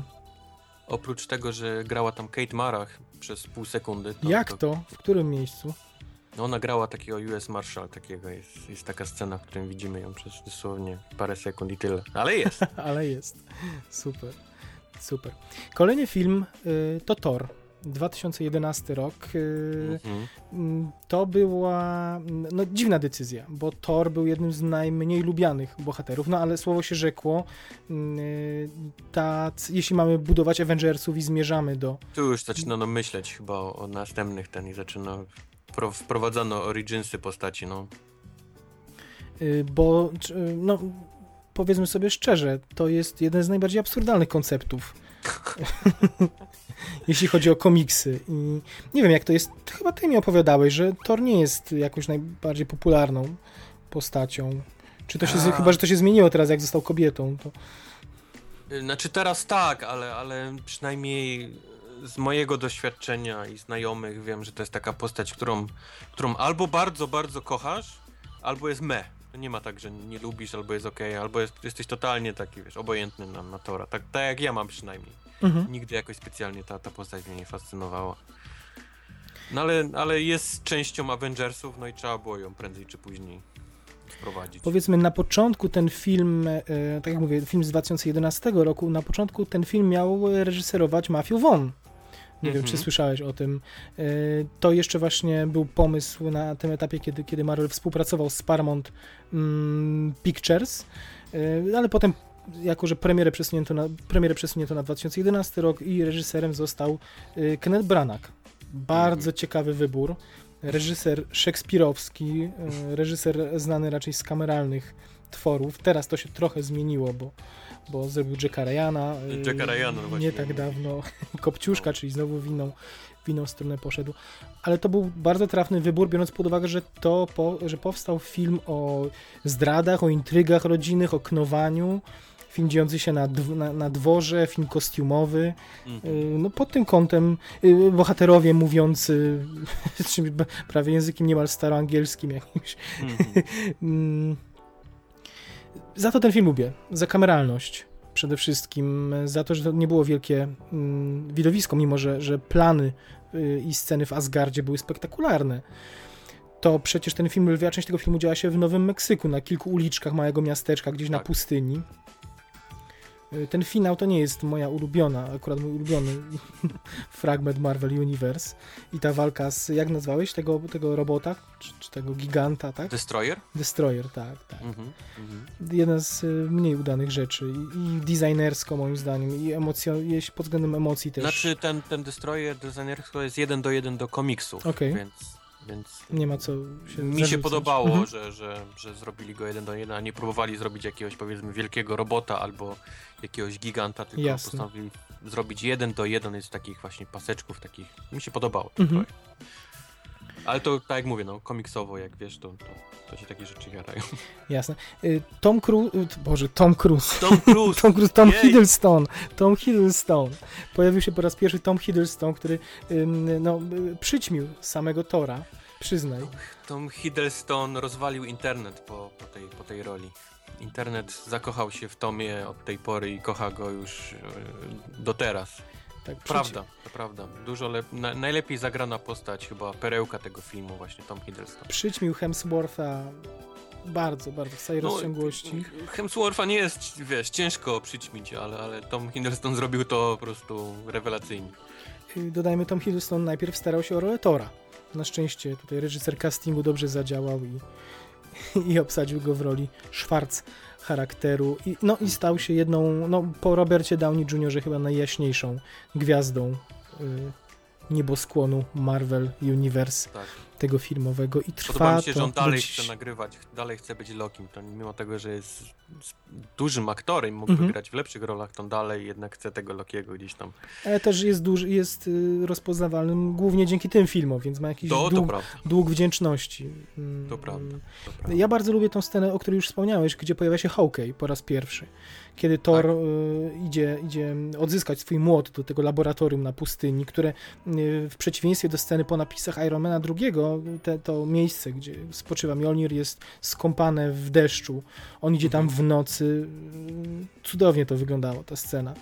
Y, Do tego w trójwymiarze wszystkie efekty cząsteczkowe, efekty pogodowe wyglądają moim zdaniem bardzo, bardzo fajnie i to jest, to robi wrażenie. I do tego po raz pierwszy pojawił się Jeremy Renner, którego no, ubóstwem jako, jako aktora drugiego planu, przede wszystkim jako Hawkeye. w tej scenie. Także to chyba moja ulubiona, mój ulubiony fragment Tora i, i o nim sobie myślę, jak myślę o, o Torze. A czy ty masz jakiś swój ulubiony, jakąś swoją ulubioną scenę? E, Ja jak myślę o Torze, to widzę Natalie Portman, ale Mhm. widzę też Kat Dennings, którą strasznie lubię. Właśnie, jako jej asystentkę. Mhm. Jako jej asystentkę. E, Kat Dennings nie jest najlepszą aktorką, ale jakoś, nie wiem, mam jakiś sentyment, do niej. Sentyment, jasne. A z kolei scen bardzo lubię tą w tym takim, e, już w Nowym Meksyku, w jakimś takim e, sklepiku, gdzie kawę sprzedają, gdzie Thor właśnie rozbija ten taki biały kubek, niczym jakby siedział na ławie w Asgardzie i prosi o jeszcze jeden ten napój. Albo jak chcę kupić konia w sklepie zoologicznym. tak, tak, tak. No. To troszkę nie został wykorzystany ten Co pod, to jest pod, kawa? Pyszne, brzdęk, chcę jeszcze jeden taki napój. To jest właśnie taki klasyczny Thor. No ale nie wykorzystali tego potencjału komediowego, moim No zdaniem. trochę nie. Mogli, mogli jeszcze, jeszcze mocniej. Nie wiem, czy, czy Hemsworth nie, nie dał rady tego Ja pociągnąć. myślę, że Branak, że Branak nie jest Możliwe. reżyserem, który by się czuł w tej konwencji aż tak mocno. Dlatego no, więcej uwagi poświęcono jednak tym, tym scenom w Asgardzie. Tym niemniej udany film, nie tak lubiany przez, przez wszystkich, bo jest, jest jednak specyficzny bardzo. Prawda. Y, Bardzo różny jest w tym kontekście no, y, Thor 2, Thor Mroczny Świat, ale do niego jeszcze, jeszcze przejdziemy. Y, W tym samym roku, tylko że pod koniec wakacji w sierpniu, pojawił się Kapitan Ameryka pierwsze starcie Joe Johnston na stoku reżyserskim i co? Otrzymaliśmy film z gatunku kina nowej przygody, takiego Indiana Jonesa, nie wiem czy się zgodzisz Mhm. ze mną. Prawda.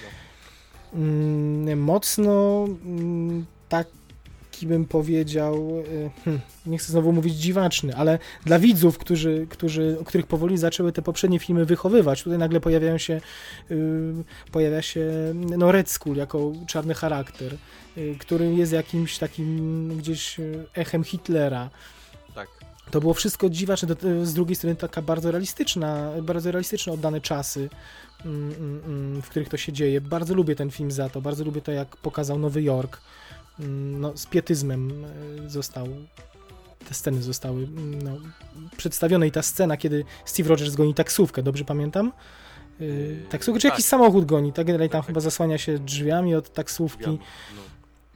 To chyba moja, no jedna z moich ulubionych. Zresztą i tu kolejny, kolejny raz to się potwierdza, że bardzo podobają mi się te sceny, kiedy oni y, no, nie działają jeszcze jako superbohaterowie. Lubię ten film szczególnie za te pierwsze 40 minut mniej więcej, kiedy Steve Rogers jeszcze jest szczuplutkim, chudziutkim, schorowanym bohaterem. Niskim chłopcem, tak, Tak, tak. kiedy są y, no, nad tym projektem super żołnierza dopiero prowadzone prace, kiedy, kiedy próbuje się dostać na szkolenie do Tomiego Lee Jonesa, y, kiedy próbuje y, podmienić gdzieś swoje akta na etapie badań lekarskich, jeśli dobrze pamiętam. tak.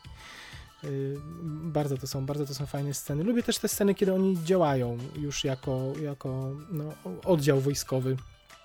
Niekoniecznie mówię o finale teraz, ale, ale tam te pierwsze akcje gdzieś na tym pociągu, gdzie zjeżdżają na Tyrolce na, na, i dzieje się potem mm, akcja w, w jadącym pociągu gdzieś w górach. Mhm. Całkiem to było sympatyczne, chociaż widać było tutaj właśnie te niedostatki budżetowe i to, że, że mm, y, no, no budżet nie jest aż tak wysoki i tam bardzo tego green screena było dla odmiany To widać. prawda, to prawda, no. Y, Ale z trzeciej strony to działało na plus, bo to była troszkę taki właśnie, trochę jak pastisz wyglądało, tego kina nowej przygody. Dosyć tak, tak, y, nie przeszkadzało Tak było, bo było dużo scen w takich zamkniętych lokacjach. A jeżeli były otwarte, to był albo las, albo właśnie jak między innymi ta scena na pociągu, był wszystko takim padającym śniegiem, takim poziomo, więc widać, że tam było sporo na, nawalone różnych green screenów i tak dalej, i tak dalej.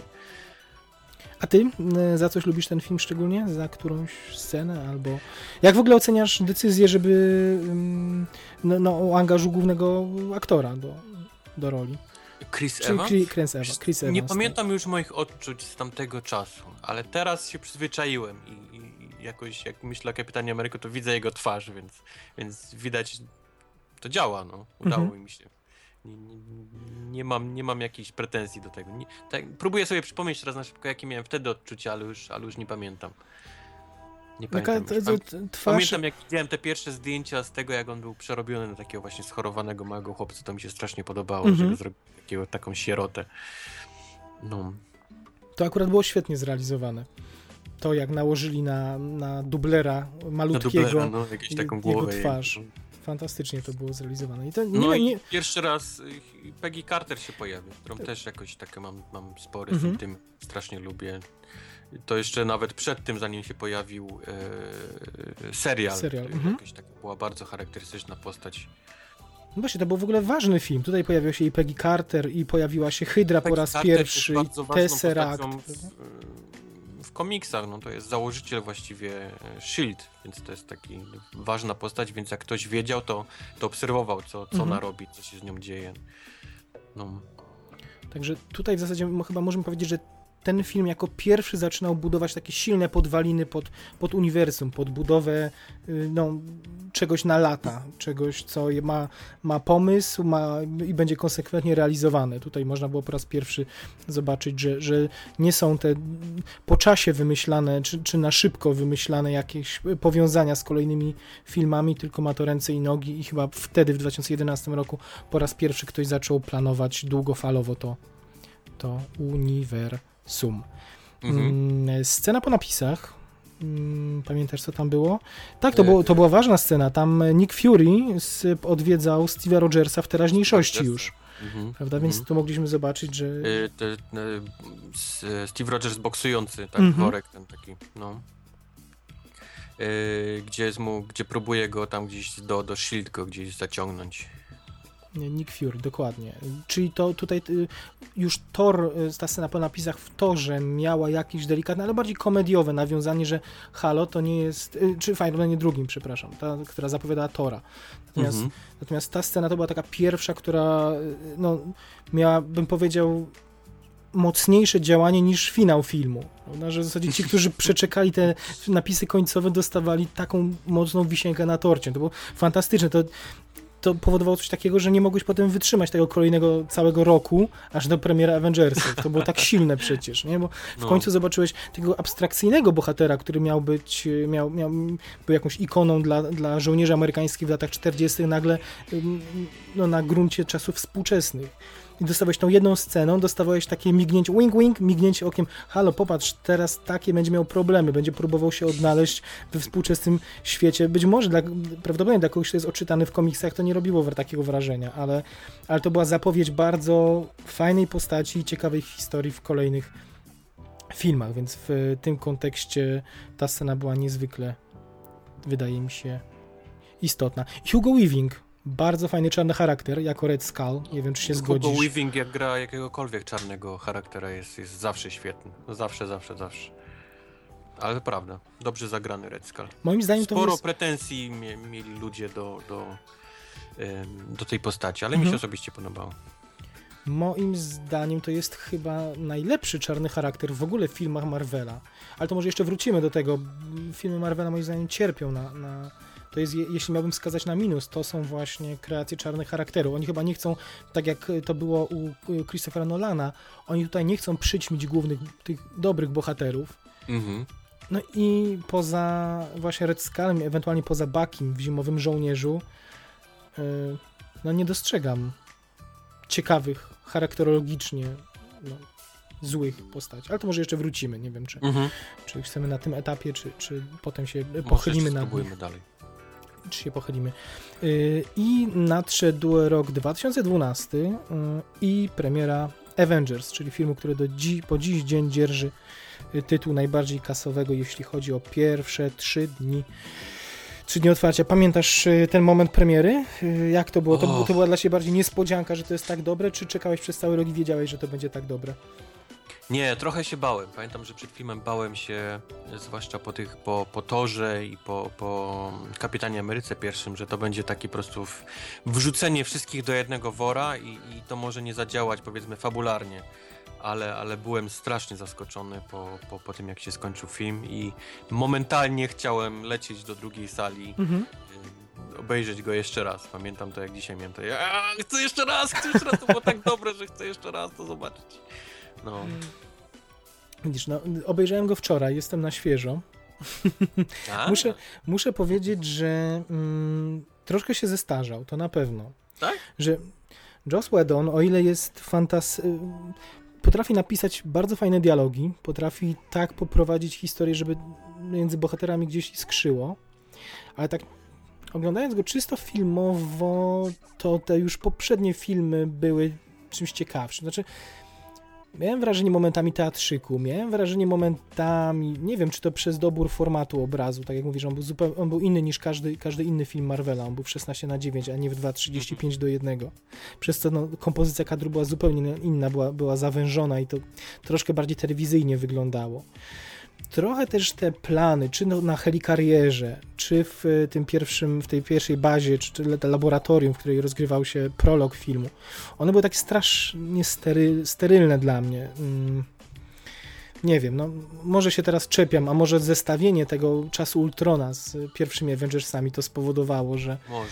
może że gdzieś to kontrast. straciło kontrast. Do tego finał w Avengersach, ta bitwa o Nowy Jork, Okej. Mimo, że spektakularna, to miałem wrażenie, że była kręcona na dwóch przecznicach. I oni tysiąc razy przelatywali przez dwie te same ulice, które im pozwolono zamknąć i, No, i- no cóż. i, i gdzieś miałem taką, ale to była mimowolna. Ale z kolei ten, ten 3 sekundy z Hulkiem wynagradzają A, no oczywiście, że tak. wszystko, co, co do tej pory pokazywali, nawet na tych dwóch, dwóch skrzyżowaniach. Nie no, pewnie. Natomiast y, miałem wrażenie, taki, taka, taki błysk, taka myśl była, że już Michael, przepraszam, to będzie bluźnierstwo, ale to się pojawiło mimo, mimo, mimochodem. Muszę jeszcze przemyśleć, czy to jest moje zdanie, ale w, pojawiła się taka myśl u mnie, że już Michael Bay bardziej ogarniał bitwy w miastach Uff, niż oni, że to, że miał o wiele bardziej pod względem jakiejś choreografii, że ciąg przyczynowo-skutkowy był, ale, ale to mówię, to, to się gdzieś poza mną to przemyślenie zadziało, więc może zmienię zdanie, muszę, muszę nad tym podumać, nie, nie miałem czasu, żeby się dogadać ze sobą, ze sobą samym. Mm. Mam jeszcze z y, tym filmem taki problem i to pewnie powtórzy się gdzieś przy okazji dyskusji już o samym czasie Ultrona, że ten film w zasadzie nie ma historii, nie ma fabuły, prawda? To, to, to chyba było Mhm. konieczne, żeby tylu, tyle silnych charakterów pokazać. Natomiast ten film wygląda tak, że przez mm, półtorej godziny my oglądamy zbieranie bohaterów. To, żeby oni się zg- zgromadzili w jednym miejscu i to dlaczego, to ich, jakby przekona, Wedon próbuje przekonać widza, że każdy z nich ma silną motywację, żeby znaleźć się na, na tym helikarierze, na tym lotniskowcu, który, który... to jest też problem, na który bardzo cierpi Ultron, ale tak Mhm. mówię, do tego wrócimy, Wrócimy. właśnie. No. Yy, Więc to się na początku dobrze ogląda, ale w pewnym momencie już dobrze. Wi dorosły widz chciałby trochę historii. Chciałby, żeby go to zainteresowało. A kiedy oni po półtorej godziny dalej się próbują. Ale do- to jest jak zobaczysz ten film drugi, trzeci, czwarty raz, wiesz, to ty już Mhm. nie, nie masz tego takiego, o mój Boże, jest on! No tak, bo za pierwszym razem, tak, no za pierwszym razem tak masz To taką jest, wiesz, ekscytację. Takie, no taka tak. ekscytacja, jak, Mhm. jak no. Bo to jest przyjemny mechanizm, jest przyjemny mechanizm zbierania grupy. To się zawsze fajnie ogląda, tylko że nie ma potem historii. Potem jak już ich zbierają jest jedna, jeden, a walka na helikarierze i próba naprawy silnika, potem cyk, przenosimy się na dół, walka o Nowy Jork, koniec filmu. No, to, to jest w zasadzie cały film. Opowiedziałem wam cały film. Zbieranie bohaterów, naprawianie silnika w helikarierze i bitwa w Nowym Jorku. A myślisz, że y, jak myślisz, czy Loki miał być od początku czarnym charakterem, czy w momencie, kiedy zobaczyli jego niezwykłą popularność w torze, to dopiero zmienili zdanie i Ja wprowadzili... myślę, że tak. Ja myślę, że Prawda? Tak. No, tak jak mówiłem, internet ci zakochał w, w tomie e, Hiddlestonie. Mhm. Hiddlestonie i, i postanowili z niego zrobić jeszcze raz e, czarnego bohatera. I szczerze mówiąc, jeżeli miałbym wybrać najlepszego czarnego bohatera, to chyba, to chyba właśnie byłby Loki. No. Widzisz, no ale ja nie myślę o nim do końca jako o czarnym charakterze, no, ale faktycznie trzeba o nim tak myśleć, bo, bo, bo taką rolę pełnił w, No, w gość przyleciał na, na ziemię z bandą obcych, aby wiesz, zniszczyć ziemię i ją podbić, więc no. Ale wiesz, ale ja cały czas o nim myślę, nie można być. ale ja o nim cały czas cza- myślę przez pryzmat już Thor Mroczny Świat, gdzie pokazał ludzką twarz i gdzieś go z, no, próbowano zrównać jednak z tymi, z tą jasną stroną, więc Gdybym nie ufał Lokiemu. Nie do końca tak o nim. Myślę, że ktoś ma na niego, przepraszam, jeszcze plan. I, i... Myślisz, że będzie mógł kiedyś stanąć ramię w ramię z nimi, czy to raczej będzie do końca zdradziecki człowiek? To będzie który- zawsze zdradziecki. Loki jest zawsze zdradziecki. Szkoda. Bo... Y, Mroczny świat zostawił mnie z takim poczuciem, że może być inaczej, no ale. Y, Chitauri, ci kosmici, którzy tam byli, też mi się średnio podobali. Nagle ktoś ich z kapelusza wyciągnął. Znaczy, jak pokazuje twój timeline, nie do końca z kapelusza, ale, ale dla kogoś, kto śledzi tylko i wyłącznie filmy, to. No nagle jakaś rasa pojawia się. To jest taki trochę najłatwiej zrobić y, w ten sposób, nie? Że No, z wymyślić, kimś a, trzeba walczyć. jest nie? jakaś rasa, to wymyślmy jakaś rasa. Wygenerujmy ich z jakiegoś edytora i. Zresztą ci kosmici wyglądali trochę jak w Transformersach, te, te takie latające dżdżownice, przyznaj, nie? Um, mówisz o tych dużych takich. Tak, tych. tak, tak. No. Okej. Ale to chyba Michael Bay później zerżnął ewentualnie od nich. To jak to, to jak to wyglądało. Tak, to co mówiłeś, poznaliśmy pierwszy raz Hulka, to na pewno, i zakochał się cały świat w Marku Ruffalo i w jego wizji postaci. I chyba już nikt nie tęskni za Edwardem Nortonem. Nie, po, po tym haśle Puny God y, wygrał z serca wszystkich fanów Hulk. Mm, Za coś ty szczególnie cenisz ten film? Masz jakąś ulubioną scenę? No, Hulk to raz. Mhm. Chyba najbardziej, bo, bo tutaj nie da się. Um, za Lokiego też lubię, uwielbiam jak, jak zagrał w tym, w tym filmie, Mhm. ale tak szybko teraz myślę, poza Hulkiem, żebym nie był cały czas Hulk, ale chyba nie, chyba to jest moja ulubiona, ulubiona scena. Nie wiem, czy kojarzysz scenę przesłuchania Czarnej Wdowy. Na pewno kojarzysz. Y, W tym kongresie, tak? E, Tam- Nie, nie, Mhm. to ta pierwsza scena, kiedy ją kongres to był później, to był w Zimowym Żołnierzu. A, a, Y, tak, Tutaj tak, tak, to jak ją, jak ją poznajemy? Pierwsza jej scena, kiedy jest przesłuchiwana przez Rosjan. Mhm. Prowadzi śledztwo jakieś i, Na tym i, krześle. tak, jest, dostaje telefon, a mówi, że mam wszystko pod kontrolą, kiedy jest przywiązana i prawie Tak, tak, ginie. tak, to też była dobra. To wyobraź sobie, że tego Rosjanina gra Jerzy Skolimowski. O, Y, Przyjaciel mm, Jacka Nicholsona, nasz słyn, jeden z najsłynniejszych polskich reżyserów, a przynajmniej na pewno y, bardzo, jeden z najbardziej cenionych y, w Ameryce.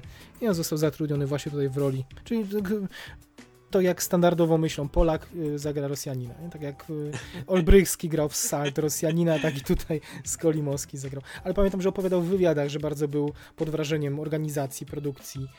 Y, No, patrząc na jaką rolę odegrał, mówi jak traktowa- z jaką atencją go traktowano na planie, jak, z jaką nabożnością, jak bardzo go mu hołdowano wręcz, bym powiedział. I, i, no, nadstawiano mu wszystkiego, czego potrzebował, jak na taką krótką rolę no, był pod wrażeniem. To miło. To miło. super. Jest polski akcent, chyba jedyny w, w całej historii. W całej historii Marvel Cinematic Universe. Póki co tak myślę jeszcze, bo to ważny film. Myślę jeszcze o czym moglibyśmy powiedzieć. Na pewno ten film miał zauważalnie większy budżet. E, On miał około 220 milionów, czyli no tutaj jakby Marvel wie, że, że no, przy nim nie ma co oszczędzać. Dwa, że żeby pomieścić tylu herosów, no jednak potrzeba dużo bardziej spektakularnych scen. Ale nie uważasz, że ten finał w Nowym Jorku był za bardzo przeciągnięty, że tego było za dużo, że to było. Czas Ultrona jest poniekąd przyznaniem się do tego, bo tam finał był dużo bardziej zwięzły, dużo, dużo... Mhm. Nie przeszkadzała ci długość tej bitwy? Wtedy nie, teraz jak myślę, chyba też nie. Oni chcieli pokazać chyba też później, że to było coś naprawdę, chcieli pokazać to zniszczenie najbardziej, mam wrażenie, że, że, że, że pokazywali i, Mhm. i to, jakie to będzie miało skutki później dla całej drużyny, to, Mhm. to takie zniszcz, zniszczenie praktycznie całego Nowego Jorku.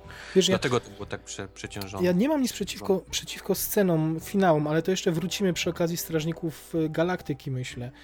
Natomiast tutaj, y, znaczy ten finał, który trwał, nie wiem, 50 minut, 45 minut, ta, ta bitwa, mm, tam nie było żadnych praktycznie dramaturgicznych zwrotów. Znaczy tam wyciąłbyś połowę tego i tak każdy by, wiedział, każdy by wiedział, y, nic by ten film nie stracił, poza widowiskowością. Wydaje mi się, że dorosły widz wymaga jeszcze, żeby to, że oni walczą co kilka minut było jakoś umotywowane. A nie tylko tym, że idź teraz na górę i mnie osłania i kolejne 5 minut widzisz walki w, innym, w innej części miasta. Nie? A potem... Mm, Nie roz- słucham cię, nagadasz mi jakieś rzeczy, które oglądał i widział jakieś koszmary. Wiesz, że to Nie. strasznie dramaturgicznie moim zdaniem kulała ta, ta ostatnia, ale mimo wszystko to się ogląda świetnie dalej. To jest duży skok, krok naprzód, jeśli chodzi o, o mm, no, widowiskowość, o, o, o jakąś choreografię samej walki i o to, jak to jest pod względem technicznym zrobione. Bo to wygląda oszałamiająco, szczególnie w y, IMAXie. Mhm. Y, No i co? Y, Film się odniósł niesamowity sukces. Joss Whedon został ochrzczony królem, bogiem, z którego to boskiego piedestału y, no, gdzieś powoli zostaje zrzucony. Jeśli nie przez fanów, to przez samych włodarzy Marvela, ale o tym jeszcze będziemy, nie, będziemy mówić i wrócimy. Scena po napisach końcowych Avengersów, takie sceny były dwie. Y, W samym, w, środku napisów końcowych pojawił się Thanos po raz y, swoim Mm. siedzeniu. Mhm. i, i była to jakaś zapowiedź, pojawił się. No my tu w Polsce to, o, kto to jest? Nie? No, taka była reakcja, przynajmniej ja i moi znajomi, z którymi byłem, bo ci, którzy, którzy nie czytali. Mm, mm, mm. No się tylko pojawia, no, siedzi na, chyba na tronie, tak, i coś tam wygraża sobie. Natomiast po napisach końcowych, już na samym końcu, y, ta scena chyba w Polsce jej nie było, bo oni ją dokleili na ostatnią chwilę i kopie IMAXowe jej nie miały. Kopie zwykłe ją posiadały, to byli Avengersi siedzący w knajpie i jedzący tak, shawarmę. Ludzie sprzątają sobie ten gdzieś tam z tyłu po Tak, zniszczeniach, oni sobie dokładnie. tak w ciszy jedzą, tam żują jakieś jedzenie. Shawarmę, na kebaba poszli. Shawarmę, no. Y, o, o którym to budce z szarmą Tony Stark opowiada w y, trakcie, w trakcie filmu. No co by nie mówić, Wedonowi udało się pomieścić te, te wszystkie charaktery, te wszystkich y, no, bardzo charyzmatycznych bohaterów i każdemu dać tyle czasu ekranowego, żeby był usatysfakcjonowany. To jest, to, to jest duże osiągnięcie mimo wszystko. Niewdzięczna robota, prawda? Prawda? Mm, więc tu się chyba Zwłaszcza przy Zgadzam. takich nazwiskach. Każdemu, Dokładnie. Każdemu trzeba porównywać. skoro już płacimy im takie horrendalne pieniądze, to, to wykorzystajmy ich, skoro To mamy jest też na... pułapka Ultrona niestety. Mhm, mhm. Iron Man 3 Iron Man to 3. kolejny film, pierwszy film z drugiej fazy, tak zwanej. Tutaj dopiero kasą, się- tutaj się zaczęła sypać kasa. E, 9 maja 2013 roku w Polsce, wy mieliście premierę 3 maja, oczywiście długi weekend w Polsce, czyli my nie mogliśmy mieć tego filmu. Shane Black na stanowisku reżysera, to było bardzo ciekawe, to była bardzo Mhm. ciekawa e, decyzja. E, Drew Pierce e, razem z Shane'em Blackiem napisali scenariusz do tego filmu. E, Lubisz, Mhm. Iron, lubisz Ironmana trzeciego? Powiedz. Lubię, lubię. A czy, Mimo lubią tego, go, a że- czy lubią go fani komiksów, powiedz mi, bo to jest też ważne pytanie. Nie. Nie, bo, bo jest tutaj największa taka odskocznia od tego, co do tej pory było bardzo bliskie komiksowi. Tak tutaj właśnie to, co wspominaliśmy wcześniej, czyli ta taka depresja po, po tej bitwie w Nowym Jorku versus jego naprawdę alkoholizm w komiksie i, i, i to takie praktycznie brak y, bycia w zbroi Ironmana, a później przesyt tych zbroi wręcz. Y, dziwne zakończenie, takie niezbyt oczywiste. Mhm. No taki był dziwny film dla fanów, powiedzmy. No rozumiem, przede wszystkim rozwście, rozwścieczyło ich e, to, co zrobili z postacią Mandaryna. Tak. Prawda? To, co, Tak, to bo- chyba bo- możemy o tym bo mówić, to tak. jest, to jest chyba największy spoiler całej serii filmów Marvela. Może przybliż to króciutko, o co, co się stało. I... No, Mandarin w komiksach to jest powiedzmy taki najważniejszy wróg Ironmana. Każdy superbohater ma swojego jakiegoś takiego arch nemezisa, z którym się zawsze gdzieś tam styka yy, i, i dla Ironmana jest to właśnie Mandarin, więc, więc fani słysząc o tym, że pojawi się Mandarin już snuli yy, informacje, jakieś takie snuli powiedzmy, że coś, co się będzie działo, pierścienie, trochę magii może się pojawi znowu, bo Mandarin jest taką postacią no, a Mandarin okazał się być trolem. To był, to był właściwie aktor grający postać Mandarina, jak się okazało. I tak jak wspominałem w moim timeline'ie, mm, był tylko pionkiem, no, a za sznurki pociągał Aldrich Killian. Mhm. Czyli Aldrich Killian. Jedna, jeden z najgorszych czarnych charakterów, y, przyznaj. Tak totalnie bez charyzmy. I... Prawda, prawda. To jest po, po samie Rockwellu takie, kolejna taka, taka sam czarny charakter, czyli jakiś taki biznesmen z dziwnymi aspiracjami, który gdzieś tam coś robi źle i trzeba go po prostu Mhm. zbić. Zresztą Trzeba oni są zbić. bardzo podobni wizualnie do siebie. Mhm. Że niektórzy mogli Mhm. pomyśleć, że to ta sama, ta sama postać, postać, przepraszam. E, Reżyser Shane Black e, to jest, e, nieprzypadkowo o nim mówię, to jest scenarzysta między innymi Zabójczych Broni. Tak.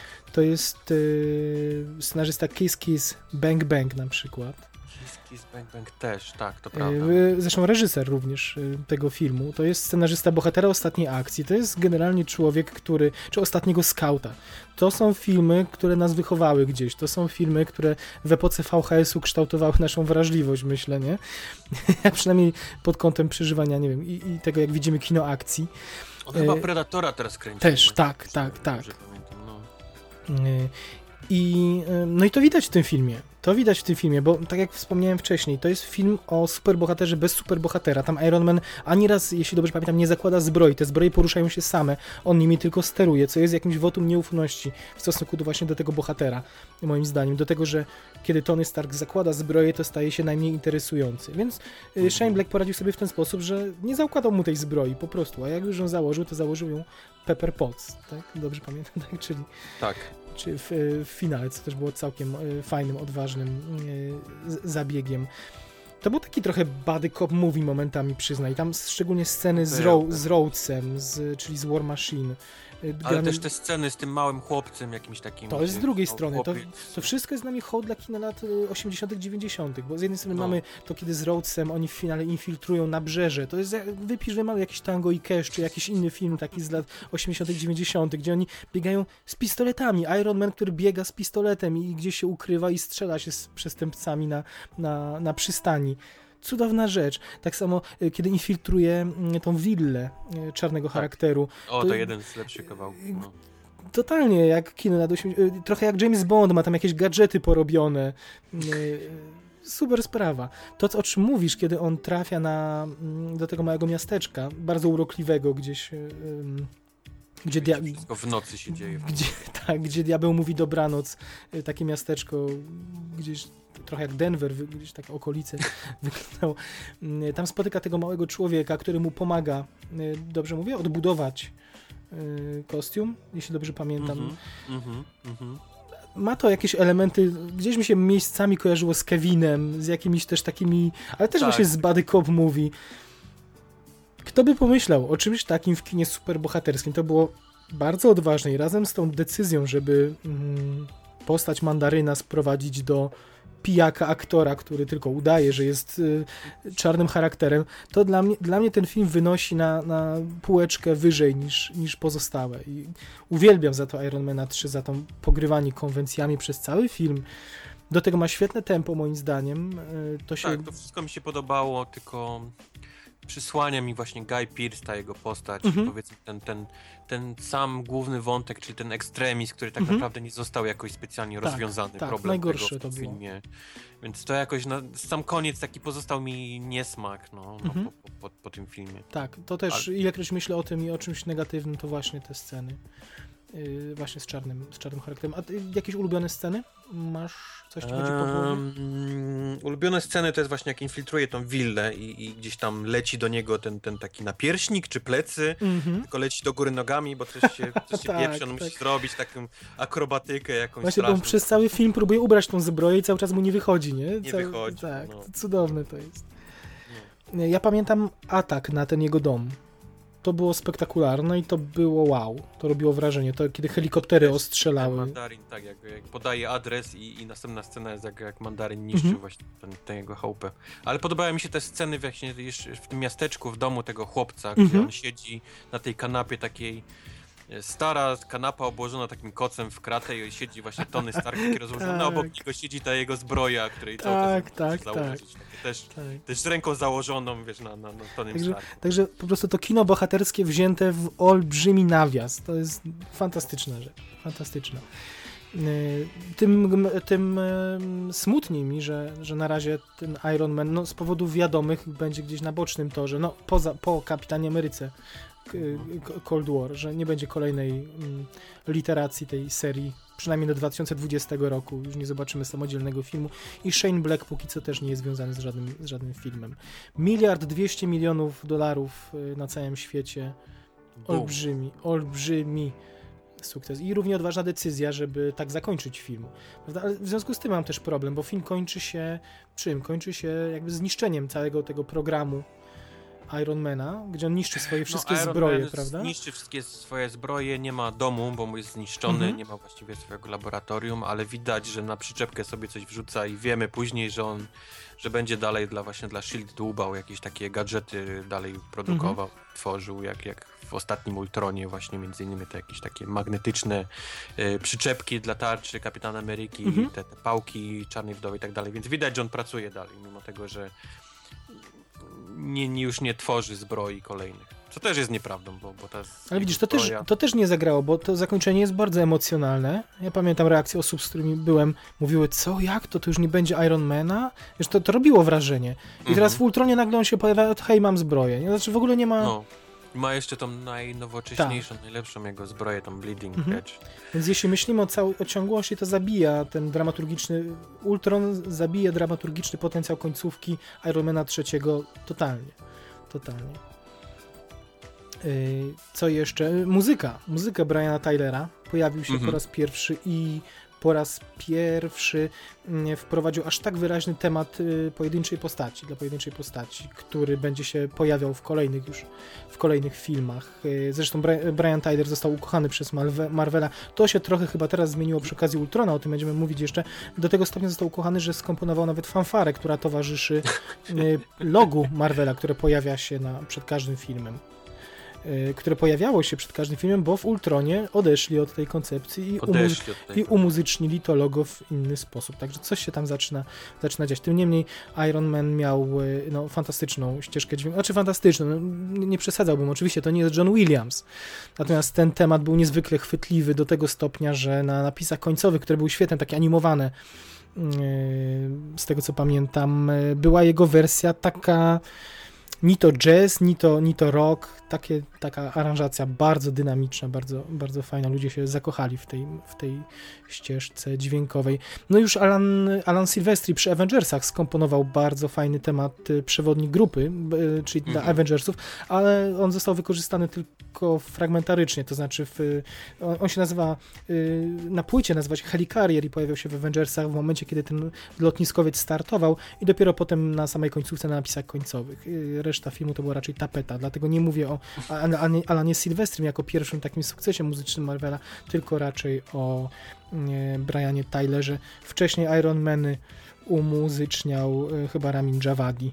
To jest inna półka, inna liga. Gość teraz y, no, robi dźwięki między innymi do, do gry o Tron na przykład. Mhm. Czy coś jeszcze o Iron Manie 3, drogi Wojciechu? Eee, mimo, mimo tego całego trolla z mandarynem, bardzo fajna rola Bena Kingsleya, świetnie zagrana. Ale dlaczego mówisz mimo? Ja, mnie się ten troll bardzo podobał. Czy ty Znaczy, tego mi się pod... Nie, mi się też podobał, bo ja nie mam jakichś sentymentów do, do, Mhm. do mandaryna i podobało mi się to, że aha, to nie jest, nie jest żaden super złoczyńca, tylko zwykły aktor. To mi się strasznie podobało. Zwłaszcza koleś, który się nazywa Trevor jeszcze, Mhm. co, co jest do, do wszystkiego, I- więc taki... I kiedy pierwszy raz, kiedy następuje ten reveal, to on ogląda chyba mecz Chelsea w telewizji, tak? Już Tak, z tak, piwskiem tak. w ręku, no, po No, prostu no. gorzej nie można było. Trevor przy filmie, no a, to, a każdy czeka na mandarina, no to, to świetne. I dobrze zagrane. Bardzo Mhm. fajnie zagrane przez Bena Kingsley. Pamiętasz scenę po napisach? Tam chyba był Tony Stark i Bruce Banner rozmawiali. Eee, tak, w tym, tym laboratorium. No. On był chyba, Tony Stark przyszedł do Bruce'a Bannera jako do psychologa, chciał mu się zwierzać ze swoich problemów, y, jakie ma po wydarzeniach z Avengersów, natomiast Bruce Banner Mhm. troszkę przysypiał. Czyli mamy scenę typowo komediową, y, mniej y, no, rozwijającą, jak zapowiadającą wątki z kolejnych filmów. Y, Oni tak żonglują. Jedne sceny są ważniejsze dla uniwersum, drugie Prawda. bardziej, bardziej komediowe. Tu mieliśmy bardziej Ale komediowe. to ja zauważyłem spadek, cały czas ten spadek tych scen po, po napisach Mhm. od jakiegoś takich, od tych pierwszych, o których wspominaliśmy do, Mhm. do teraz, jakoś to leci w dół moim zdaniem. No to jeszcze y, skonfrontujemy zaraz, bo oto y, Thor Mroczny Świat, to Dark, Mhm. Dark World, nie Thor 2, tylko y, tak jak Ironmany mają, właśnie. swoje, Ironmany mają swoje numerki, widzę, że tutaj zrezygnowali, jest jakiś trend w Hollywood, żeby już nie numerować. Choć Transformers ostatnio też stracili numerek, przyznaj. Premiera 8 listopada 2013 roku i u was, i u nas, że tak powiem. Mm. I cóż możemy o tym filmie powiedzieć? Przede wszystkim brak Kenneta Branaga, Alan Taylor, ale nie od początku Alan Taylor, bo najpierw Patty Jenkins była wiązana z Mhm, tym filmem. mhm.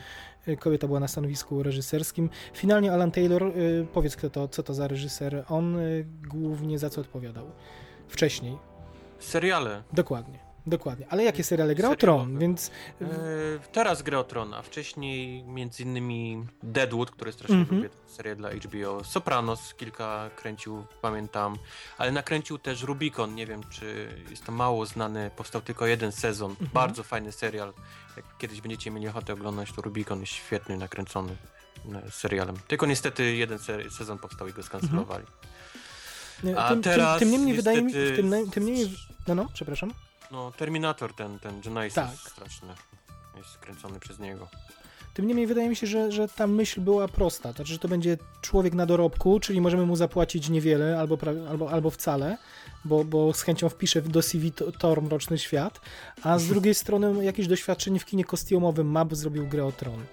Wydaje mi się, Tak. że to, to, to kierowało. Zresztą jo, Joss Whedon w wywiadach, mm, w których ostatnio opisuje, jak Marvel nie płaci swoim twórcom, no gdzieś to, gdzieś to zdaje się potwierdzać. Pamiętam przecieki z planu, które mówiły o tym, że Joss Whedon przylatywał na plan, żeby naprawiać ten film momentami, szczególnie poprawiać tą jego komediową stronę, że nie radzili sobie z, z, z luzem przede wszystkim. Znaczy on miał te dialogi charakterystyczne dla, dla Mhm. Whedona gdzieś tam, gdzieś tam powsadzać. No.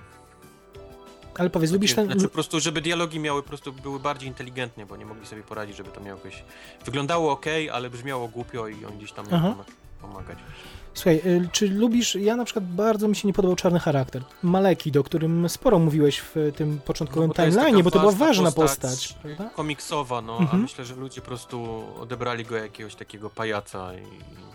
Ale kompletnie go tam nie, nie pokazano. On sobie siedział gdzieś w tym swoim statku, wygrażał się w, w kierunku ziemi, w jakieś straszne frazy i, i to wszystko. Nie mieliśmy No. szans go polubić, nie mieliśmy szans w ogóle się przestraszyć czy, czy przejąć tym mrocznym elfem. Tak? To prawda, to prawda. Jeszcze, jeszcze e, grany przez mojego ulubionego Ecclestona, Mhm. też, też jakoś gdzieś strasznie pominięty. Więc ten film miał mieszane uczucie. Ja go lubię z wielu powodów. Lubię ten finał w Londynie. Okej. Znaczy w Londynie i w wielu innych światach, bo co był fajny pomysł moim zdaniem. Znaczy, biorąc pod uwagę, że te finały się Marvelowi nie udają, tutaj na, tyle, ile, na ile kreatywność im pozwoliła, powiedzmy, zrobili to w ten sposób, że y, Thor walcząc, on z Malekitem walczy, tak? Rozumiem, y, Mhm, w finale, mhm. y, no, teleportuje się co chwilę do innego, na inną planetę, więc to jest tak, że jeden, jeden cios piąchą sprzedaje mu na szczycie City w Londynie, a zamachując się, drugi cios piąchą dostaje już na jakiejś innej planecie zupełnie. W towarzystwie jakichś potworów. Więc y, znaczy potencjał był jeszcze większy tej sceny. Oni no, y, może nie jest aż tak spektakularna jak mogłaby być, ale to i tak było sporo więcej niż można, niż można było zobaczyć w innych filmach w innych filmach mm, Marvela. Mm, Kat Dennings bardzo mi się podobała jako asystentka Mhm. mm, Natalie Portman. Nie wiem, dla mnie to było zabawne, to, ta ich relacja. I, i Dla mnie też, tak jak mówiłem. Kat Dennings y, bardzo lubię. Więc y, tutaj też, a, a, raczej słowa w kierunku poczucia humoru tego filmu nie były, nie były no, y, najlepsze. Że tak powiem kolokwialnie. Loki, to co się działo z Lokim też było ciekawe. To, to najpierw y, co się z nim działo, kiedy został uwięziony w Asgardzie, potem po wypuszczeniu, kiedy były te różne, przeróżne twisty się działy, kiedy wydawało się, że zdradził, potem się, że nie zdradził. Na końcu jednak wydaje się, że Zdradził. że zdradził. To też ma fajny potencjał dramaturgiczny. Nie każdy film Marvela coś takiego ma, więc y, tutaj też, też dostrzegam y, plusy. Sama bitwa o Asgard, trochę w, taka bym powiedział powietrz, powietrzna bi- bitwa przede wszystkim. Mhm. Też fajne sceny Znaczy, wizualnie. Dużo takiego loru, powiedzmy, tego Asgardowego. To taki też bardzo taki film dla fanów. Jak, jak nie wiesz, co widzisz, jak nie wiesz, co oglądasz, to może być takie, wiesz, bardzo... ym, Wyglądać dziwnie i, i właśnie ty, typu Maleki, który nikogo nie obchodzi właściwie, bo nikt naprawdę nie wie, jak, jak jest potężny, Mhm. y, jaką rasą jest, y, komu, komu dowodzi, jaka jest jego Mhm. przeszłość i tak dalej, i tak dalej. No takich rzeczy w tym, w tym filmie jest pełno, a, a, a jak nie wiesz, nie znasz, to tak raczej to wszystko ucieka i film się staje dość płytki. Ale jako rozrywka, bo faktycznie to co mówisz, on Poza jest, tym mało jest płytki, bo się- załapało- Mhm. Załapało to, że wszystko się rozbija ten kamień, który ona właściwie znalazła. tak, to Ten absolutnie, idzie. To, to absolut- też gdzieś tam umknęło ludziom całkowicie, a to jest tak bardzo ważny wiesz, moment. to absolutnie ten Zarówno dla tego filmu, jak i dla Avengersów, czyli całej tej, tej historii Tora, jak i, jak i następnego Ragnaroka, który Mhm. będzie.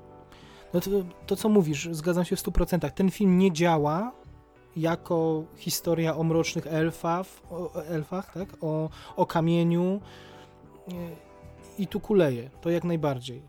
E, Mhm. Natomiast cała reszta mi się bardzo podoba. Muszę powiedzieć, finał, y, oprócz tej, no, samego tego tłuczenia się w różnych wszechświatach, w różnych zaświatach i, i nie tylko w zaświatach, y, w finale też Malekit y, przylatuje swoim wielkim statkiem do Londynu i Mhm. uderza w obserwatorium i w uniwersytet w Greenwich. I muszę powiedzieć, że tam zawziąłem się i pojechałem tam, w tamto miejsce. Byłeś fan, największy fan w. Polsce, pojechałeś. Dokładnie. Pojechałem, wszedłem dokładnie do tej samej sali, w której wypadały szyby, kiedy studenci podbiegali do, do okien, żeby zobaczyć, co tam się za oknem dzieje, że statek elfów wbija się w nabrzeże i, i ich piękny dziedziniec niszczy. Więc stałem na tym dziedzińcu, odwiedziłem ten uniwersytet. Naprawdę tam jest ładnie, polecam, strasznie tylko wieje, ale jest ślicznie. Natomiast co ciekawsze jeszcze, hotel, który jest w sąsiedztwie, spróbował się podpiąć pod fame tego filmu i ma olbrzymi młot Tora na dziedzińcu swoim. Taki, no naprawdę, na, na, na próbowałeś wysokości, podnieść? Nie no, to był jednego piętra wysokości ten młot. No, ale może. raczej Jesteś, może jesteś tak godzien, że Nie no, zrobiłem sobie takie wieśniackie zdjęcie, że próbuję go pchnąć, ale się nie udaje, tak, tak. O, Jak, po, jak, po, jak w tą w krzywą wieżę, tak? tak, zapozowałem jak, tak, jak taki turysta, typ, typowy turysta po Słodko. prostu. No. Ale urokliwe miejsce i y, w związku z tym bardzo polecam. Może też dlatego mam taki sentyment do tego filmu, bo mogę krzyczeć, że byłem, stałem tam, gdzie Malekit zorał kawałek Londynu. Sorry, kawałek. Y, Powiedz mi, y, zastanawiam się, jak się zapatrujesz na finał tego filmu. Bo y, rozmawiałem z różnymi ludźmi i każdy, znaczy, jeśli już rozmawiam o Marvelu, to wiele osób pyta mnie, czy Loki naprawdę zabił swojego ojca, czy tylko na przykład Antony Hopkins gdzieś po, wyszedł do kibla, a on się pod niego podszył i sobie robi żarty, siedząc na tronie. Jak, jak podejrzewasz? Um, podejrzewam, że Bo w ostatnim- Anthony Hopkins y, Mhm. powiedział, że nie będzie grał już więcej y, Odyna i faktycznie podmieli go. Loki jest teraz na tronie. No, tak było w komiksach, też tak się działo. Loki siedział długo na tronie y, Asgardu Jako Odyn, tak? jako Odyn, Czy jako już potem Loki? ale też później jako Loki. O. No widzisz, bo dla najwidoczniej dla wielu osób ten, ta ostatnia scena to jest nadzieja, że. Yy, znaczy inaczej, że doszukują się jeszcze nadziei po tym, kiedy on się zachował w miarę szlachetnie w finale, że. A Nie. ponieważ ludzie tak go lubią, to, to chyba ludzie po, podświadomie liczą, że stanie się gdzieś tam bardziej pozytywnym bohaterem i że być może ta ostatnia scena to są tylko żarty z, yy, i, za chwilę ten Odyn jednak się gdzieś pojawi, a Loki powie, dobra, robiłem sobie żarty, okej. W historii komiksu Loki nie, nie zrobił nic tak naprawdę dobrego. Mhm. Jeżeli coś zrobił, to tak jak właśnie w tym przypadku, aby się dostać do tronu. Jasne. No dobra. Trochę mnie zasmuciłeś, ale tylko trochę. Nie, nie wolno ufać Lokiemu. God of Mischief, jak się nazywa. Koleś uwielbia po prostu takich No właśnie tak. wkręcać ludzi jak ty. No tak. Y, Sceny po napisach, tym razem dwie. Mm, Pierwsza scena, która była odniesieniem do Strażników Galaktyki, y, w Prawda. której to y, Sif y, i Volstagg, tak się nazywał ten, ten Tak. koleś, y, odwiedzają kolektora. Mhm. Tak, dobrze mówię? To był Benicio del Toro. Kolektor. Mhm. Y, I co, I co tam się dzieje? Oni przekazują Eter mu, jeśli dobrze pamiętam, tak? E, tak. Żeby przechował- Przekazują mu, przekazują mu eter, gdyż postanawiają, że trzymanie dwóch kamieni e, tych nieskończoności blisko siebie jest bardzo niebezpieczne. One, one bardzo oddziałowują na siebie, gdy są blisko, więc postanawiają jeden właśnie oddać w przetrzymanie kolektorowi. I on, ale on z kolei tam ujawnia, że on sam poszukuje kolejnych Mhm. kamieni, No, co też... Kolektor jak kolektor, no, on Tak. szuka wszystkiego, co jest wartościowe i kolekcjonerskie. Więc tu mieliśmy znowu powrót do scen, które mają jakąś rolę spełniać i, i teasować kolejne projekty mm, y, uniwersum Marvela. To Natomiast- też pamiętam, że nic nie mówiło ludziom. Nie, ludzie Mhm. nie bardzo co się dzieje. No tak, kto to jest? Jakimś dziwnym białym futrze, ten Benicio del Jeszcze Toro. Howard the Duck gdzieś tam był w ten, on już w ogóle strasznie ludzi e, No, rozbiło. No Mówię, Howard to w Strażnikach Galaktyki, czy tam też był gdzieś w tle? No na pewno tam jakieś... jakieś eksponaty były na go Gdzieś pewno. zobaczyli go gdzieś w tej, tej kopule. Mhm. Tak. Y, Natomiast druga scena, już po, po, po, po napisach, po napisach, bo ta była w środku, to była Jane Foster całująca się z Torem y, w Londynie. Y, Mm, mm. a w tle biegający mm, potwór, który sobie z tych zaświatów gdzieś przy okazji tej ostatniej bitwy przy, przytuptał i zapomnieli go za, zabrać, więc no, scena typowo komediowa. No, Tam e, Alan Taylor, ja nie pamiętam teraz, więc nie będę się upierał, która, ale mówił, że jedna z tych scen postawała już totalnie poza jego kontrolą. Czyli widać, że to jest po prostu, no, już teraz y, fabryka. Ktoś sobie stwierdza, ok, dokręcamy coś, reżyser nie miał nic do gadania.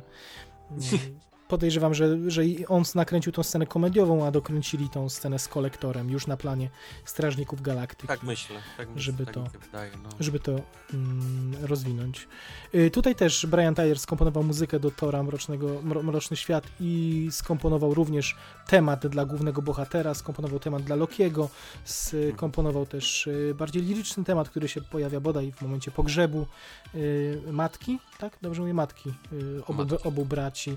No i temat, temat Tora przetrwał i jest również w Ultronie, y, pobrzmiewa gdzieś tam, więc no, jest jakieś tam dokonanie Briana w tej mierze mm, mm, no, zapisujemy.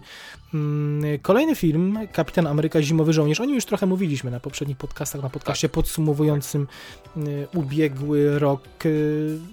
Lubisz ten film? Bardzo lubię, jest to mój ulubiony z tych takich Ulubiony? pojedynczych Mhm. e, filmów. Mhm. Okej. Mhm. Okej, widzę, że większość osób tak uważa, że to jest najbardziej poważny, najbardziej dopracowany. Ja muszę powiedzieć, że bardziej cenię tego Ironmana 3 jednak, O, za tą zabawę konwencją i za to, że nie jest takim filmem superbohaterskim, paradoksalnie.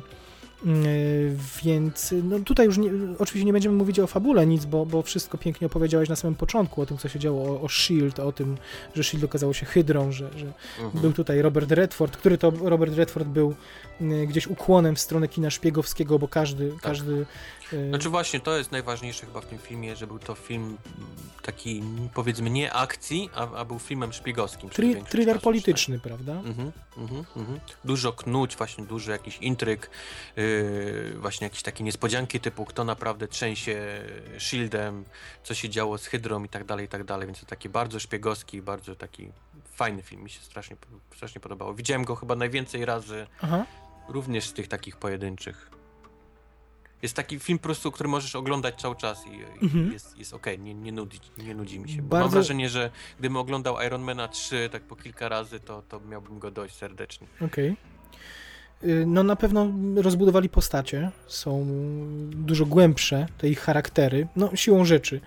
Mm, Nigdy nie możesz ufać nikomu i nie wiesz, czy, czy, czy ten, Mhm. komu, komu zaufałeś, nie okaże się pod koniec filmu, filmu w, wrogiem. Posłużono się schematami dosyć oklepanymi, ale, ale nie wiem, czy uwierzyłeś od razu, kiedy Samuel L. Jackson został zastrzelony, że, że to jest przykrywka, że to jest ściema, czy łudziłeś się, że może go Nie, pożegnają? za dobrze znam tą postać z komiksów, żeby, Mhm. żeby wiedział, że tak łatwo jest ubić Nicka Fury'ego. Okej, nie nabra- Nick Fury, to co on robi teraz w komiksach, nie będę opowiadał, bo to wam zniszczy jakiś taki cały światopogląd na temat tej postaci filmowej.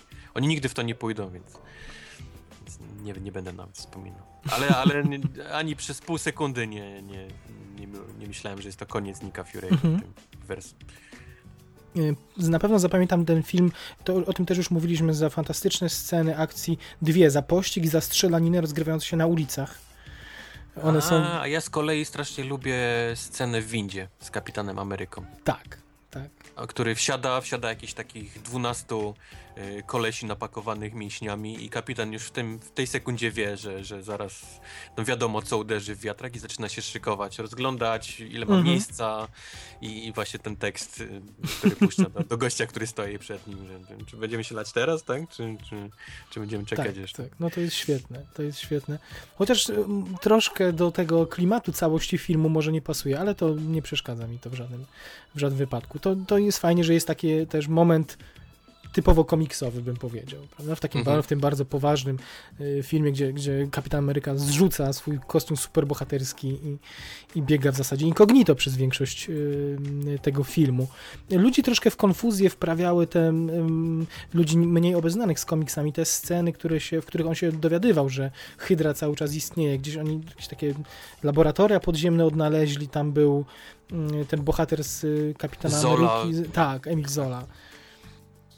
To gdzieś No. ludziom rozbijało historię, nie, nie, nie potrafili się momentami odnaleźć z tego, co, pamiętam. Ci mniej To jest, to jest problem, wiesz, że te filmy są tak naprawdę ciągłością, nie? Tylko, tylko one, czas między nimi to jest 2-3 lata, więc ludzie zapominają tak naprawdę, jaki jest główny, główny wątek filmów poszczególnych tam tych No bo wiesz o co chodzi, bo to, bo, to, bo to trwa, nie wiem, pół scena, 20 minut, oglądamy wydarzenia, które prowadzą do tej sceny, nagle pojawia się ten Emil Zola i, i jakby, dobrze mówię, Emil, on ma na imię? No w każdym razie Zola i, Tak. i, Mhm. i efekt powinien być taki, że wow, naprawdę to on, nie, nie spodziewałem się, ale sprowadza się do tego, że tak zachowują się tylko No fani, bo a, ludzie zapomnieli a reszta jego rolę w tak, tym poprzednim. a nie? reszta ludzi, no whatever. I, I troszkę to siada. No, a z drugiej strony trzeba było to jakoś. Znaczy jest fajnie, że jest ten wątek, bo to nie jest tylko powiedziane tak, o popatrz, nagle.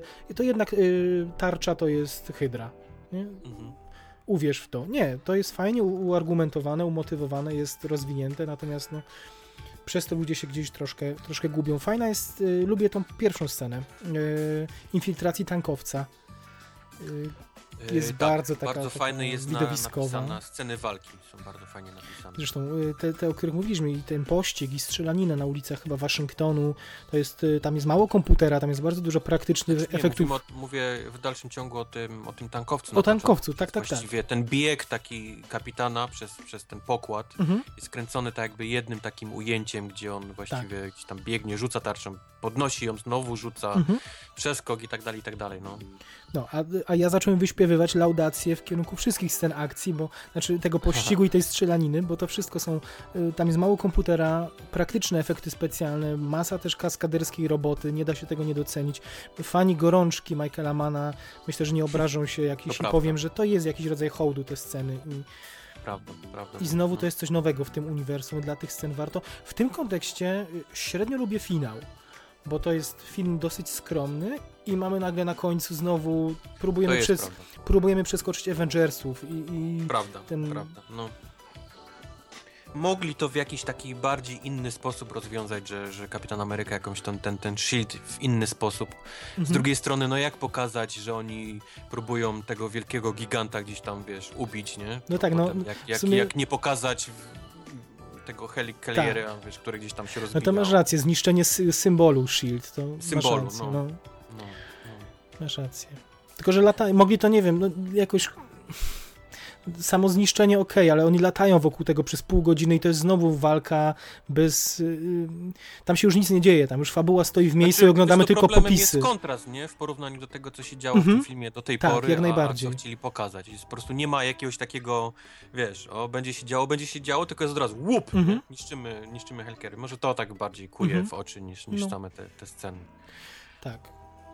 To... To- ciekawe, pojawia się postać grana przez Emily Van Camp, to jest, to jest ta Kate, czyli ta taka sąsiadka powiedzmy e, Steve'a Rogersa, Aha. która jest agentką numer 13. Jest to bardzo, bardzo, bardzo ważna postać w komiksach. Mhm. Nie wiem, czy powinienem mówić. Mów, mów. Powinienem powiedzieć, co ona robi? Tak.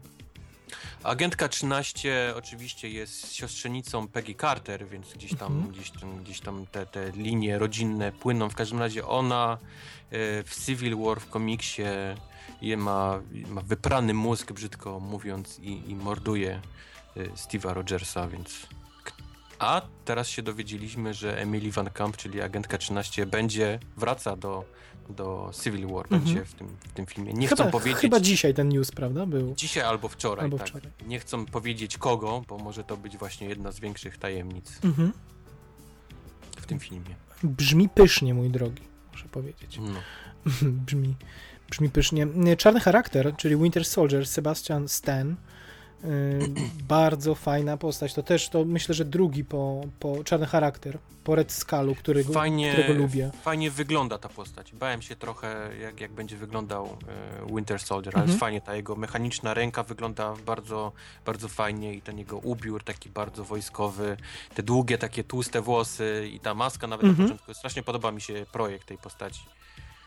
Świetnie, no i ma, ma w, koń, w końcu jest dramaturgii też dramatyczna przeszłość tej postaci. Znaczy, przez to, że pokazuje się nam skąd się ta postać wzięła, jak tragiczne miała losy, to nas ona obchodzi, to my się nią przejmujemy, przez to to się o wiele lepiej ogląda. No, to, to jest, niby to jest y, podstawowe, nie wiem, przedszkole, jeśli chodzi o pisanie scenariusza, ale w Marvelu wielokrotnie się o tym zapomina. Jak porównasz potencjał dramaturgiczny Malekita z poprzedniej części, którego wszyscy mieli, za przeproszeniem, w pompie, i Mhm. porównasz tutaj Winter Soldiera, który no, nie była ziemia, nie była ziemia. I jeszcze znakomita, w związku z tym znakomita scena po napisach, może od razu powiedzmy, y, w Kapitanie Ameryce. Mm, ostatnia scena, już po, po, po napisach, po napisach, po Po napisach naj, najbardziej wytrwałych, y, właśnie y, Bucky Barnes odwiedza Muzeum Smithsonian Mhm. i widzi tam wystawę, na której jest strój, klasyczny strój Kapitana Ameryki i czyta też o sobie, y, y, przypominając sobie jakieś tam wydarzenia z przeszłości. Bardzo fajna klamra, aż y, dziwne, że to tam dali, bo to jest idealne na zakończenie filmu, prawda? Znaczy to jest... Nie chcę No mówić, o, jest na nie, filmu. na nie chcę końcu. mówić o zmarnowaniu, o zmarnowaniu tego, bo do, mnie strasznie cieszy docenienie ludzi, którzy obejrzą całe napisy, ale, ale to jest puenta tak świetna jak w żadnym innym filmie Marvela. W połowie scena, w środku napisów z kolei też jest bardzo ważna, bo pokazuje barona y, von Strakera, czy von Stru, Mhm. Strucker, von Struckera. Stroka. Stroka, to ty będziesz mówił ten zabarwiony niemieckim językiem nazwiska, bo potem mnie ktoś okrzyczy, że źle wymawiam. No Tak, jak i- zabarwionym to trzeba by tak sztruka, bo... Struka, ja, On Sztruka, ja. I von Struka pokazuje nam po raz pierwszy bliźniaków Quicksilvera i Scarlet Witch, Mhm. e, czyli Aarona Pokazuje Taylora nam Johnsona. też, gdzie się pojawia ta laska e, Lokiego, ta z tym kamieniem Mhm. nieskończoności, Mhm. w czyich jest obecnie rękach. Tak. No i to już jest, to jest jedna z najważniejszych e, scen po napisach, w takim sensie, że ona już, ona bardzo dużo mówi, bardzo dużo obiecuje, mm, pokazuje na rok przed premierą, tak, na rok przed Mhm. premierą, jak będą wyglądać postaci, które, które są gdzieś tam obiecane w castingach, że się pojawią. No to jest duży skok od tych pierwszych scen po napisach, które były żartem, które pokazywały nie wiem, bohaterów na kozetce u psychiatry. To, to, to jest y, bardzo fajne użycie tego środka wyrazu, a mówię o tym nie bez przyczyny, bo jesteśmy strasznie zawiedzeni. Mm, Straszny zawód nas spotkał przy okazji sceny po napisach y, Czas Ultrona, ale do tego jeszcze, jeszcze wrócimy. Mój drogi, czy coś jeszcze o Winter Soldier? Wydaje mi się, że postawiliśmy E, piękny... Jak ci się podoba postać Falcona grana przez Antoniego? Lubię ją, lubię ją, bardzo mi się podoba, muszę powiedzieć. Może nie sam, sama postać właśnie w akcji, ale jako taki... Ciężko jest pokazać ale- postać, która potrafi latać, Tak, nie? tak, ale jako taki sidekick, który dogryza, który, który gdzieś jest obok kapitana Ameryki. i- No bardzo mi się podobały te jego żarty. To ta, choćby ta pierwsza scena, kiedy biegali na początku i kapitan Ameryka go mijał co chwilę, bo, bo biegało o wiele, wiele, o wiele e, To był już szybciej. okres, kiedy w komiksach e, Falcon był kapitanem Ameryką, Mhm. więc każdy mu się przyglądał uważnie, jak wygląda ta postać. Czy mówisz, że jest potencjał, że on kiedyś zostanie w tym uniwersum kapitanem Ameryką? Myślisz, że Bardzo możliwe. bardzo możliwe? Bardzo możliwe. Mhm. No. Ale wcześniej niż y, trzeci Avengersi, czy później? To tak rzucam do ciebie. Eee, Tylko jednym, jednym zdaniem odpowiedz, żebyśmy się nie... Nie, nie. Nie. Będzie Chris Evans, będzie w Avengersach. Mhm. Okej. No, myślę, że piękny pomnik postawiliśmy kapitanowi Ameryce y, i równie piękny pomnik postawimy mm, strażnikom Galaktyki.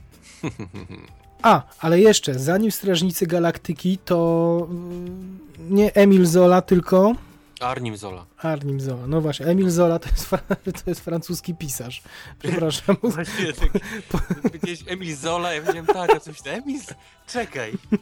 Ty już o czymś innym mówiłeś, a ja dalej to nie mówię Emil Zola. A mi, to już nie wiem skąd mi się to wzięło. Okej, Armin Zola.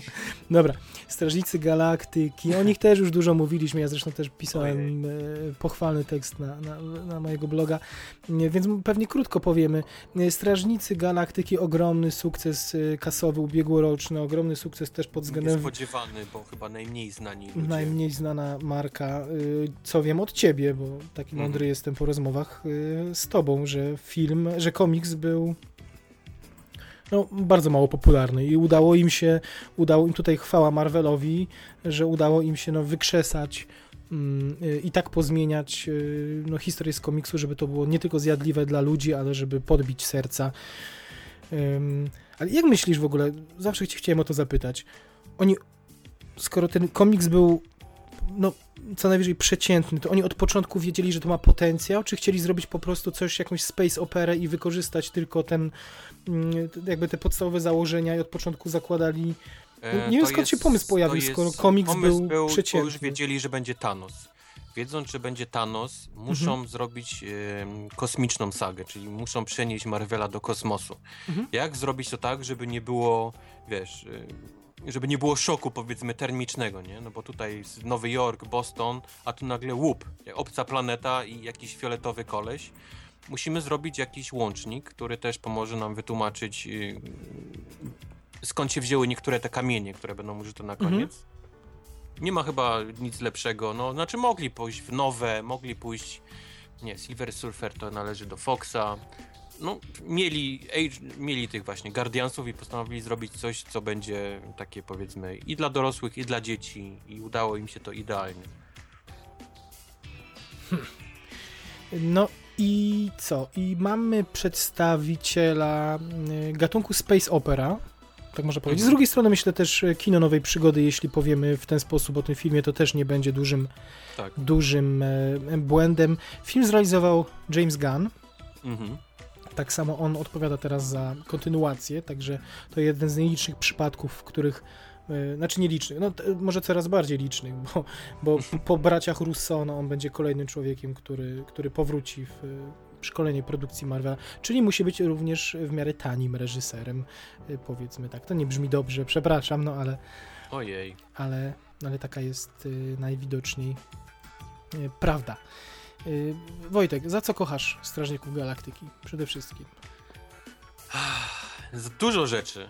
Za humor, za, mm, za sam powiedzmy projekt tych postaci, bo ciężko jest zrobić zieloną babę, ciężko jest zrobić wielkie gadające drzewo, Mhm. y, ciężko jest zrobić kolesia w, w czerwonych tatuażach, który też jest powiedzmy zielony, gadającego szopa i tak dalej, i tak dalej. To wszystko im się udało nie- niesamowicie.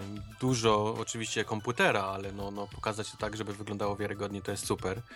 Przede wszystkim też udało im się ludzi zaciągnąć właśnie do takiej space opery i, i to się ludziom spodobało, mimo tego, że, że tak jak wspominaliśmy, w ogóle nieznani bohaterowie, praktycznie w ogóle nieznany świat marvelowski, bo, bo i Kree i, i te inne planety są w ogóle praktycznie nieznane nawet dla osób, które się w tym siedzą, to Mhm. raczej siedzą w tym takim powiedzmy ziemskim e, uniwersum Marvela niż gdzieś tam w tym kosmicznym. Humor, muzyka, tam jest mnóstwo, mnóstwo rzeczy po prostu no, zrobionych fantastycznie.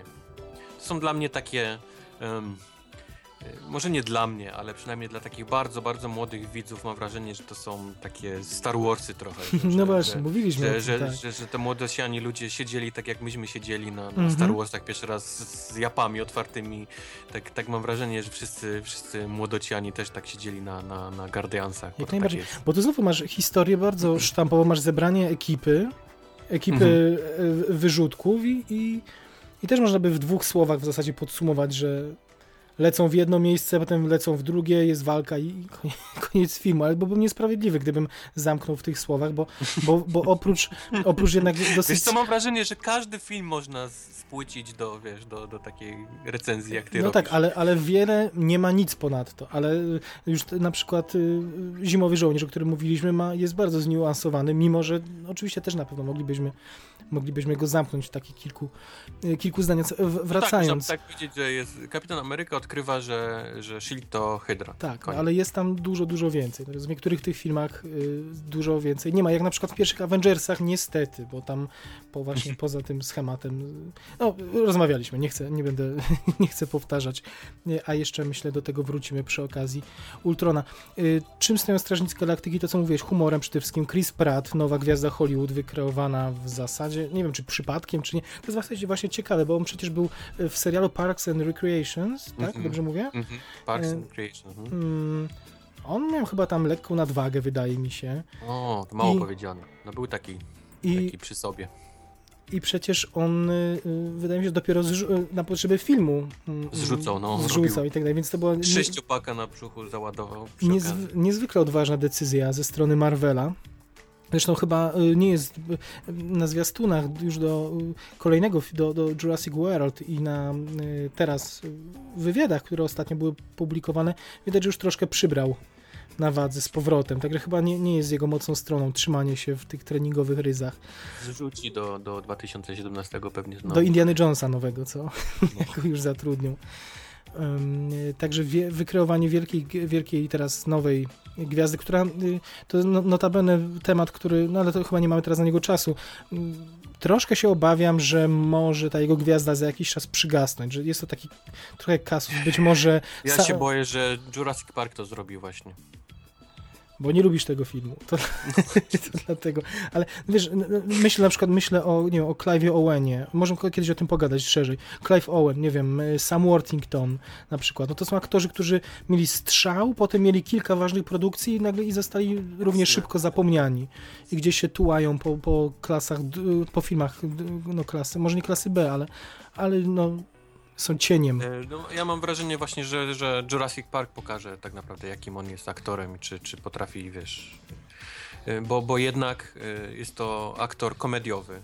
Bardzo fajny był w Parks and Recreation. Świetnie to się zgrało z, z Guardiansami, bo też gra taką postać próbującą być poważną, ale jest to jednak koleś taki strasznie beztroski i, i, i zabawny. Zobaczymy, jak zagra postać mega poważną. Tam nie ma, tam nie ma miejsca na jakiekolwiek humory. To jest koleś, który tresuje dinozaury i jest No, a nie wiesz tego. jedyny koleś, który widzi, jak niebezpieczne jest, wiesz, rozmnażanie tych niebezpiecznych No, dinozaurów. Ale ma mieć, ale ma mieć Omara Sy jako sidekicka swojego, więc być może to będzie Buddy Movie znowu. No zobaczymy. nie wiadomo. Mm, Dalej, dalej trzymam kciuki, ale będzie fajnie, ale się będziemy spierać. Ale to jeszcze, to jeszcze przed nami.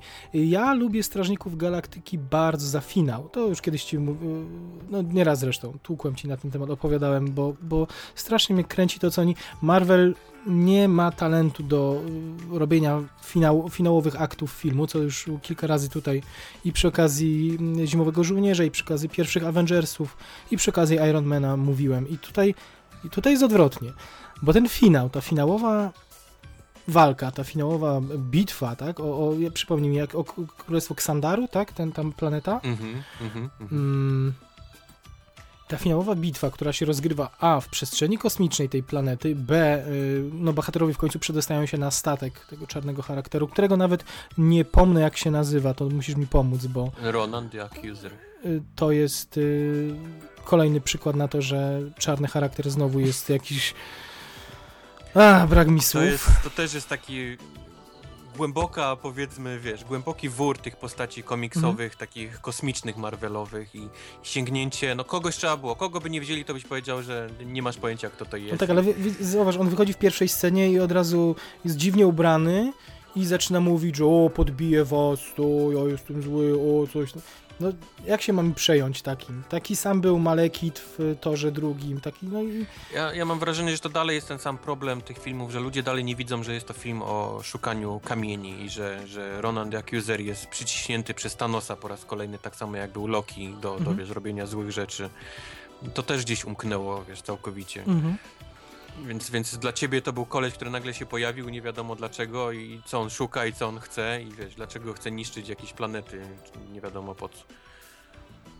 Taki był. szukał kamienia. Taki był, taki był i miałem to totalnie gdzieś, yy, co on zrobi, jak to się wszystko potoczy i chwała Bogu, że jednak ten finał, mimo to, że on pozostał słabym, czarnym charakterem moim, bardzo, moim zdaniem, bardzo, bardzo, to ten finał był bardzo logiczny, bo, bo tak jak mówię, najpierw ta bitwa, która toczyła się w przestworzach. I, i to, co się działo na planecie, na, na ta, ta ewakuacja i, i y, potem atak na sam statek tego Ronana, potem to, co się działo na tym statku w środku, potem coś, co się działo na zewnątrz, znaczy tam był cały czas ciąg przyczynowo-skutkowy. Wiedzieliśmy, dlaczego oni lecą w stronę, dlaczego atakują, potem dlaczego tworzą barierę ochronną, potem wiedzieliśmy, po co lądują na tym statku, gdzie idą, gdzie idą w środku, nie tylko po to, żeby skopać komuś tyłek, ale mieli konkretny, konkretny cel. Potem, kiedy już się wydawało, że to jest wszystko, to jeszcze na samej powierzchni planety działo się, działa się historia dalej.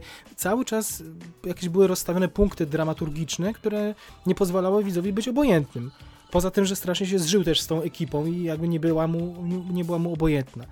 Także to jest dla mnie ogromny plus tego filmu i ten, ten trzecie akty u Marvela zawsze kulały, a tutaj to jest y, skonstruowane w sposób no wręcz idealny bym powiedział. Wręcz idealny. I tak y, próbowałem pod tym kątem oglądać Ultrona właśnie i, i wyszukiwać, czy jest podobnie i nie do końca było. Ale to może, to może jeszcze to może jeszcze wrócimy, a na pewno wrócimy do finału e, Ultrona. Wspomniałeś o muzyce, również Mhm. e, uwielbiam. Widziałem, masz kasetę chyba magnetofonową, tak? Mam, mam, kupiłem Jezus. soundtrack na kasecie. Jest, wydaje mi się, że jest jedyny słuszny nośnik tego, tego soundtracku. Najlepszy gadżet, jaki można mieć w kolekcji. super, super, zazdroszczę. Mm, Film wykreował nową Gruta, nową maskotkę. Tak mi się Mhm. wydaje, że przynajmniej maskotkę dla, dla młodszych. Ale ja też sobie kupiłem figurkę, stoi tutaj obok mnie, Gruta. Grut to jest postać, powiedzmy, która mówi dwa słowa w całym filmie. Mówię, że w komiksie mówiła dużo więcej, tak? Groot. Tak, to była postać, która mówiła, to był król tej takiej rasy nawet, y, tych, tych takich drzew i ona normalnie się mówiła, tutaj ją sprowadzili do Mhm. I am Groot. Ciekawe, Vin Diesel ile nagrywał tych, tych I am Grootów? 2000 coś z tego, co, co Tym bardziej, że nagrywał ileś wersji językowych dla parunastu krajów. no. Wszystkie oczywiście brzmią I am Groot, nie? Ale to Je suis Groot. Je suis Groot. Y, I ten, y, ten oto Groot pojawia się w scenie po napisach końcowych, skoro już opowiadamy o, o wszystkich scenach, to i opowiedzmy o tych Guardiansach. B- Do piosenki Jackson's Five tańczy. Mhm. Y, Kiedy Drax nie patrzy, to malutki Groot wyrastający z doniczki potańcuje sobie. Bardzo fajne. I to w sumie ta scena wykreowała popyt na zabawki małego Groota. Y, Tak. Natomiast scena już po samych napisach końcowych po, po, to jest Howard the Duck. Kaczor Tak. Howard, który, o którym wspomniałeś, który jest y, jednym z eksponatów w y, kolektora, w kolekcji kolektora, kolekcjonera, Mhm. granego bez, przez Benicio del Toro. Nie wiadomo dlaczego on został wprowadzony, prawda? To jest. Ja nie wiem, czy to jest jakaś- To czy jest, to jest- takie... Czy to jest próba, czy to jest. Nie, myślę, że to jest taka dawno zapomniana postać, o której sobie pomyśleli, że o, ciekawy będzie, wiesz, będzie jajo, jak pokażemy Mhm. Howarda Dedaka, bo ludzie totalnie zgupieją. No, on, Mam jest, wrażenie, że to był taki, wiesz... on jest bardzo znany na pewno po, w tym sensie, że wygrywa wiele rankingów na najgorsze ekranizacje komiksów, bo film Tak, o nim z tak, lat tak. 80. Tak, tak, tak, tak. jest uznawany za jeden z najgorszych filmów wszechczasów. Oglądałem go wiele razy, pamiętam. No, był tutaj u, u nas w wypożyczalni na VHS-ie. Podejrzewam, że opacznie go zrozumiałem, bo tam było tyle seksualnych aluzji w tym filmie i to nie był absolutnie film dla dzieci, ale ja to oglądam po prostu jako film o kaczu, kaczuszce, nie wiem. Zniszczył mi może musisz oglądać jeszcze raz, bo miał psychikę. tam niezłe żarty. Ja Aha. nie pamiętam jak w tym, jak w tym filmie, ale... ale taki mocno- Dedak ma taki cięty humor. Mhm. dość. A był taki mocno kampowy, momentami obleśny ten film. Ja, muszę, faktycznie muszę wrócić. Muszę wrócić. Dobra. Nie ma co się rozwodzić, bo o Strażnikach Galaktyki już rozmawialiśmy sporo przy okazji podcastu podsumowującego rok, więc y, Tak. bardzo lubimy ten, y, ten film. Jest to jedna z ciekawszych y, historii w uniwersum Marvela. Póki co. Podsumowując, Wojtek, y, y, kilka razy tutaj przywoływałem temat złoczyńców. Y, Nie wiem, zgadzasz Mhm. się ze mną. To jest główna bolączka moim zdaniem Marvela. Prawda. Nieciekawe, czarne charaktery. Fakt, że trzeba wyróżnić i dać czas ekranowy tym ulubieńcom pozytywnym, ale dla dramaturgii filmu też jest niezwykle istotne, żeby nas obchodziło, jakie motywacje kierują czarnym charakterem. Znaczy musimy czuć, że zagrożenie, które Mhm. stwarza jest faktycznie realne i że Mhm. powinniśmy dbać o to, co robią nasi superbohaterowie i, i to nie zawsze się udaje. Jasne. Nie, nie, nie, nie wystarczy w tych czasach wymyślić postać, która powie, że chce rządzić światem. Każda postać w każdym Albo filmie chce rządzić. jakieś, albo spuścić wielkie dżdżownice przez dziurę Mhm. w kosmosie, nie? I, Dokładnie. Dokładnie. Y, Czyli y, podsumowując, y, twój ulubiony czarny charakter z serii i ten najmniej ulubiony?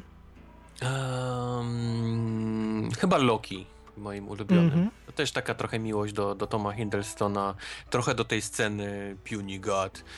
To wszystko jakoś się tak łączy ze Jasne. sobą. A najmniej ulubiony... Oh. Chyba Guy Pearce. Mhm. Chyba Guy Pearce. Jeszcze myślę między samemu, ale to jest właściwie Możesz dwóch wybrać, spokojnie, możesz wybrać dwóch. To jest właściwie trzech. jedna, jedna i ta sama Jedna i ta postać. sama postać. No. Strzelam. jeszcze, No. No to, Arthur Killiam grany przez, przez Gaya Pearce'a. To ja- Totalnie bezpłciowy, czarny to charakter. ja no, nominuję tych samych panów. Jeszcze dodam Jeffa Bridgesa z pierwszego Ironmana, mm, ale moglibyśmy naprawdę większość tutaj w tych negatywnych wymienić. Moi ulubieni to Red Skull, mm, y, do tego Winter Soldier, czyli Bucky, no Tak. i, i, Loki, którego jak Tym, mówiłem że ja... nigdy nie traktuję, nie traktowałem Winter Soldiera jako czarny charakter. Aha. No i tak samo jak ja, to tak jak ja nie traktuję do końca Lokiego jako czarnego tak? charakteru. No ale, ale ja znam komiksy. No więc- jasne. No jasne, jasne.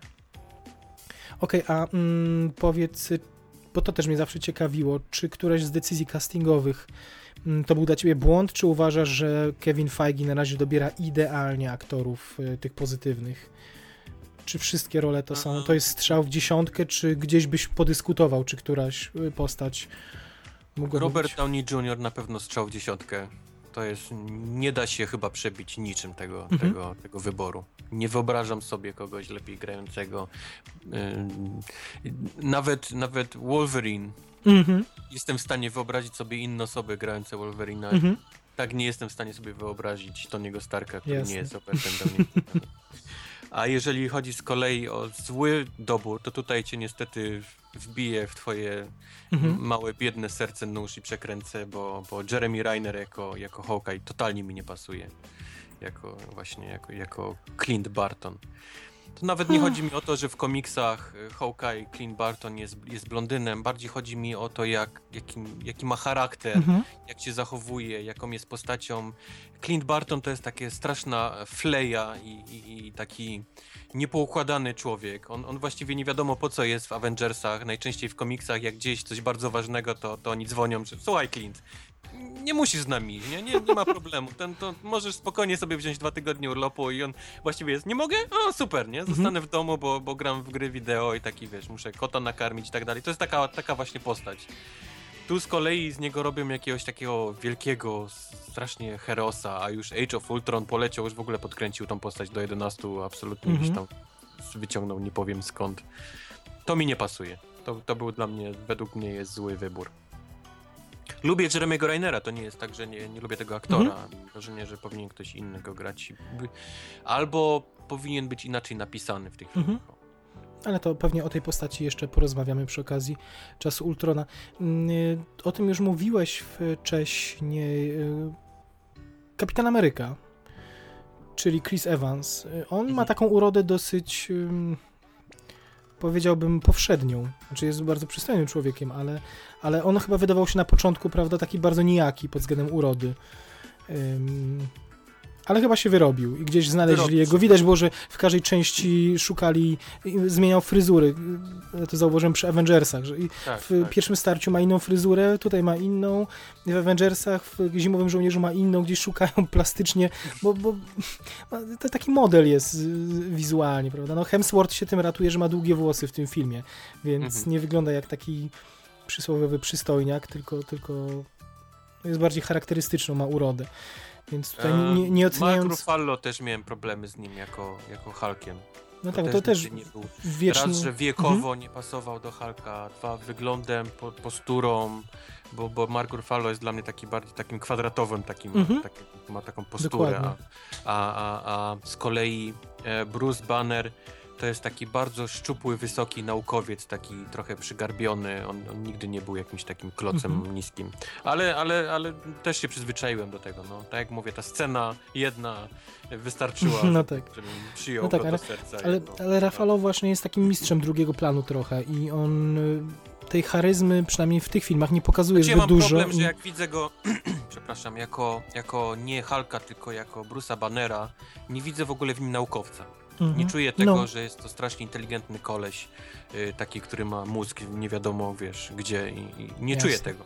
Jasne, ja też nie czuję tym bardziej, że sprawdziłbyś się w solowym filmie o Hulku. To jest duże ryzyko, przyznaj, że, No że jest. jakby spoczął Jest. na jego barkach, No. spoczął cały No. film pełnometrażowy, boję się, żeby nie uciągnął. No to, to cała magia jego polega na tym, że gdzieś nam wpada 5 minut wątku z nim, jakaś jedna scena, uśmiechniemy się, jest no, taką jest ciepłą osobą, bije od, nie, od niego ciepło, przynajmniej w Mhm. tej wersji ludzkiej, nie, nie w wersji zielonej. Yy, Natomiast nie, nie znajduję charyzmy na dwugodzinny film w nim. Może też dlatego Marvel nie próbuje aż tak y, desperacko pozyskać praw, żeby wróciły do Samo mam jeszcze, mam jeszcze problem z postacią y, graną przez Kobe Smulders, czyli Marią Mhm. Hill, która jest praktycznie w każdym filmie Mhm, E, a nie jest pchana jej historia w żaden sposób. mhm. Ona gdzieś się przewija, gdzieś jakiś telefon wykonuje, gdzieś jest na jakimś ekranie, coś, coś mówi, ale w ogóle nie jest pchana do, do przodu po tym, jak, jak em, Nick Fury gdzieś tam schodzi do podziemia. W komiksach ona w tym czasie zostaje prezydentem właściwie S.H.I.E.L.D., tego takiego Aha. wypranego z Hydry i jest taką babką, taką ma, ona ma dość twardą rękę, ona nie lubi sobie gadać, ona lubi twardo rzeczy załatwiać, nawet jak to nie jest po jej ten, to lubi wręcz z bronią, siłowo potrafi załatwiać rzeczy, a tu jest taką jakimś takim ciepłe kluchy. Taka sekretarka, nie? No, sekretara gdzieś tam właśnie gdzieś się przewija, Mhm. no. To też nie, nie do końca mi pasuje. A do tego jeszcze wrócimy, Ultron też jest. to, to, to, ale to, ale to wrócimy. Yy, W zasadzie nie wrócimy, bo już będziemy przechodzić do tego głównego, głównego dania, mm, mm, znaczy głównego bohatera dzisiejszej naszej audycji, naszej rozmowy, ale wcześniej jeszcze mm, chciałem krótko, bo mm, nie możemy pominąć krótkometrażowych filmów. Nie wiem, czy słuchacze wiedzą, część na pewno wie, Marvel mm, przez chwilę wprowadził to jako stały element, mianowicie realizowali filmy krótkometrażowe, które dołączali do kolejnych wydań e, filmów na Blu-rayu. mhm. I to z początku to były dosyć e, takie mało znaczące i bardziej żartobliwe historie, bo, bo był e, przy okazji wydania Tora był The Consultant, Mhm. e, w którym agent Coulson, tam, to w zasadzie była jedna rozmowa przy, przy stoliku i próba jakiegoś wytłumaczenia wydarzeń, które się działy chyba w, w Incredible Hulk.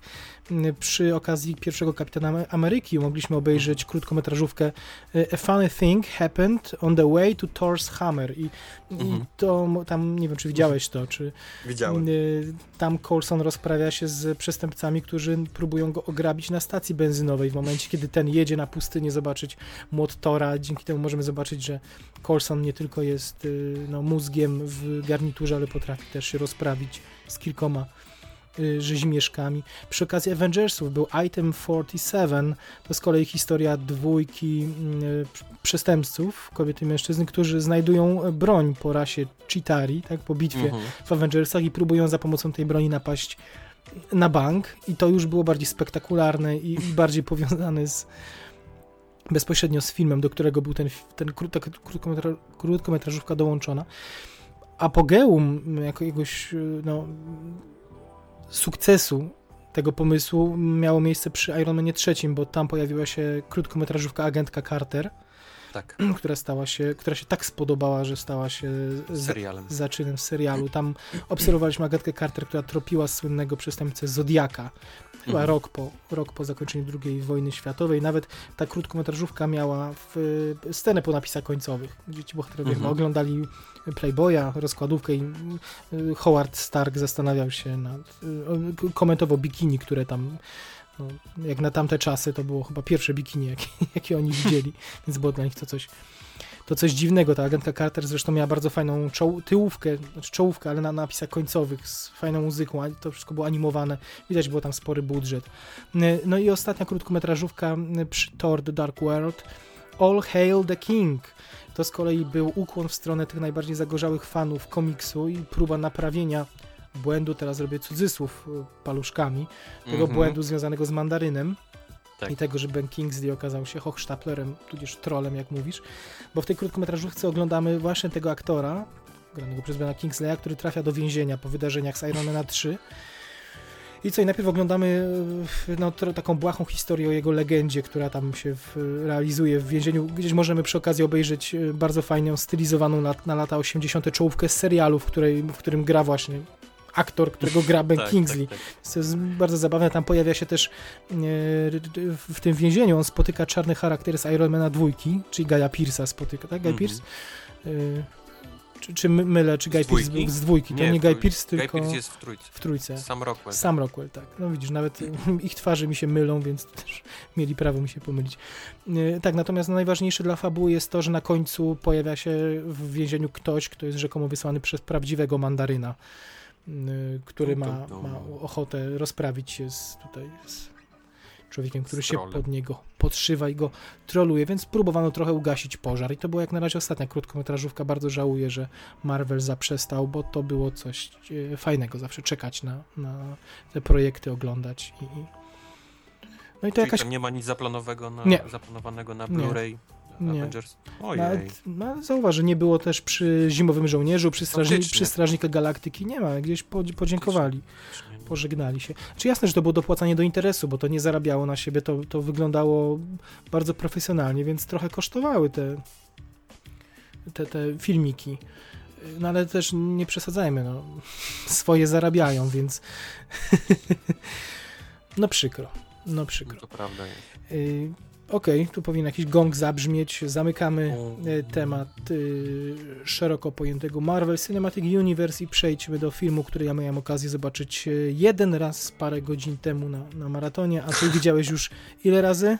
Dwa. Trz, dwukrotnie.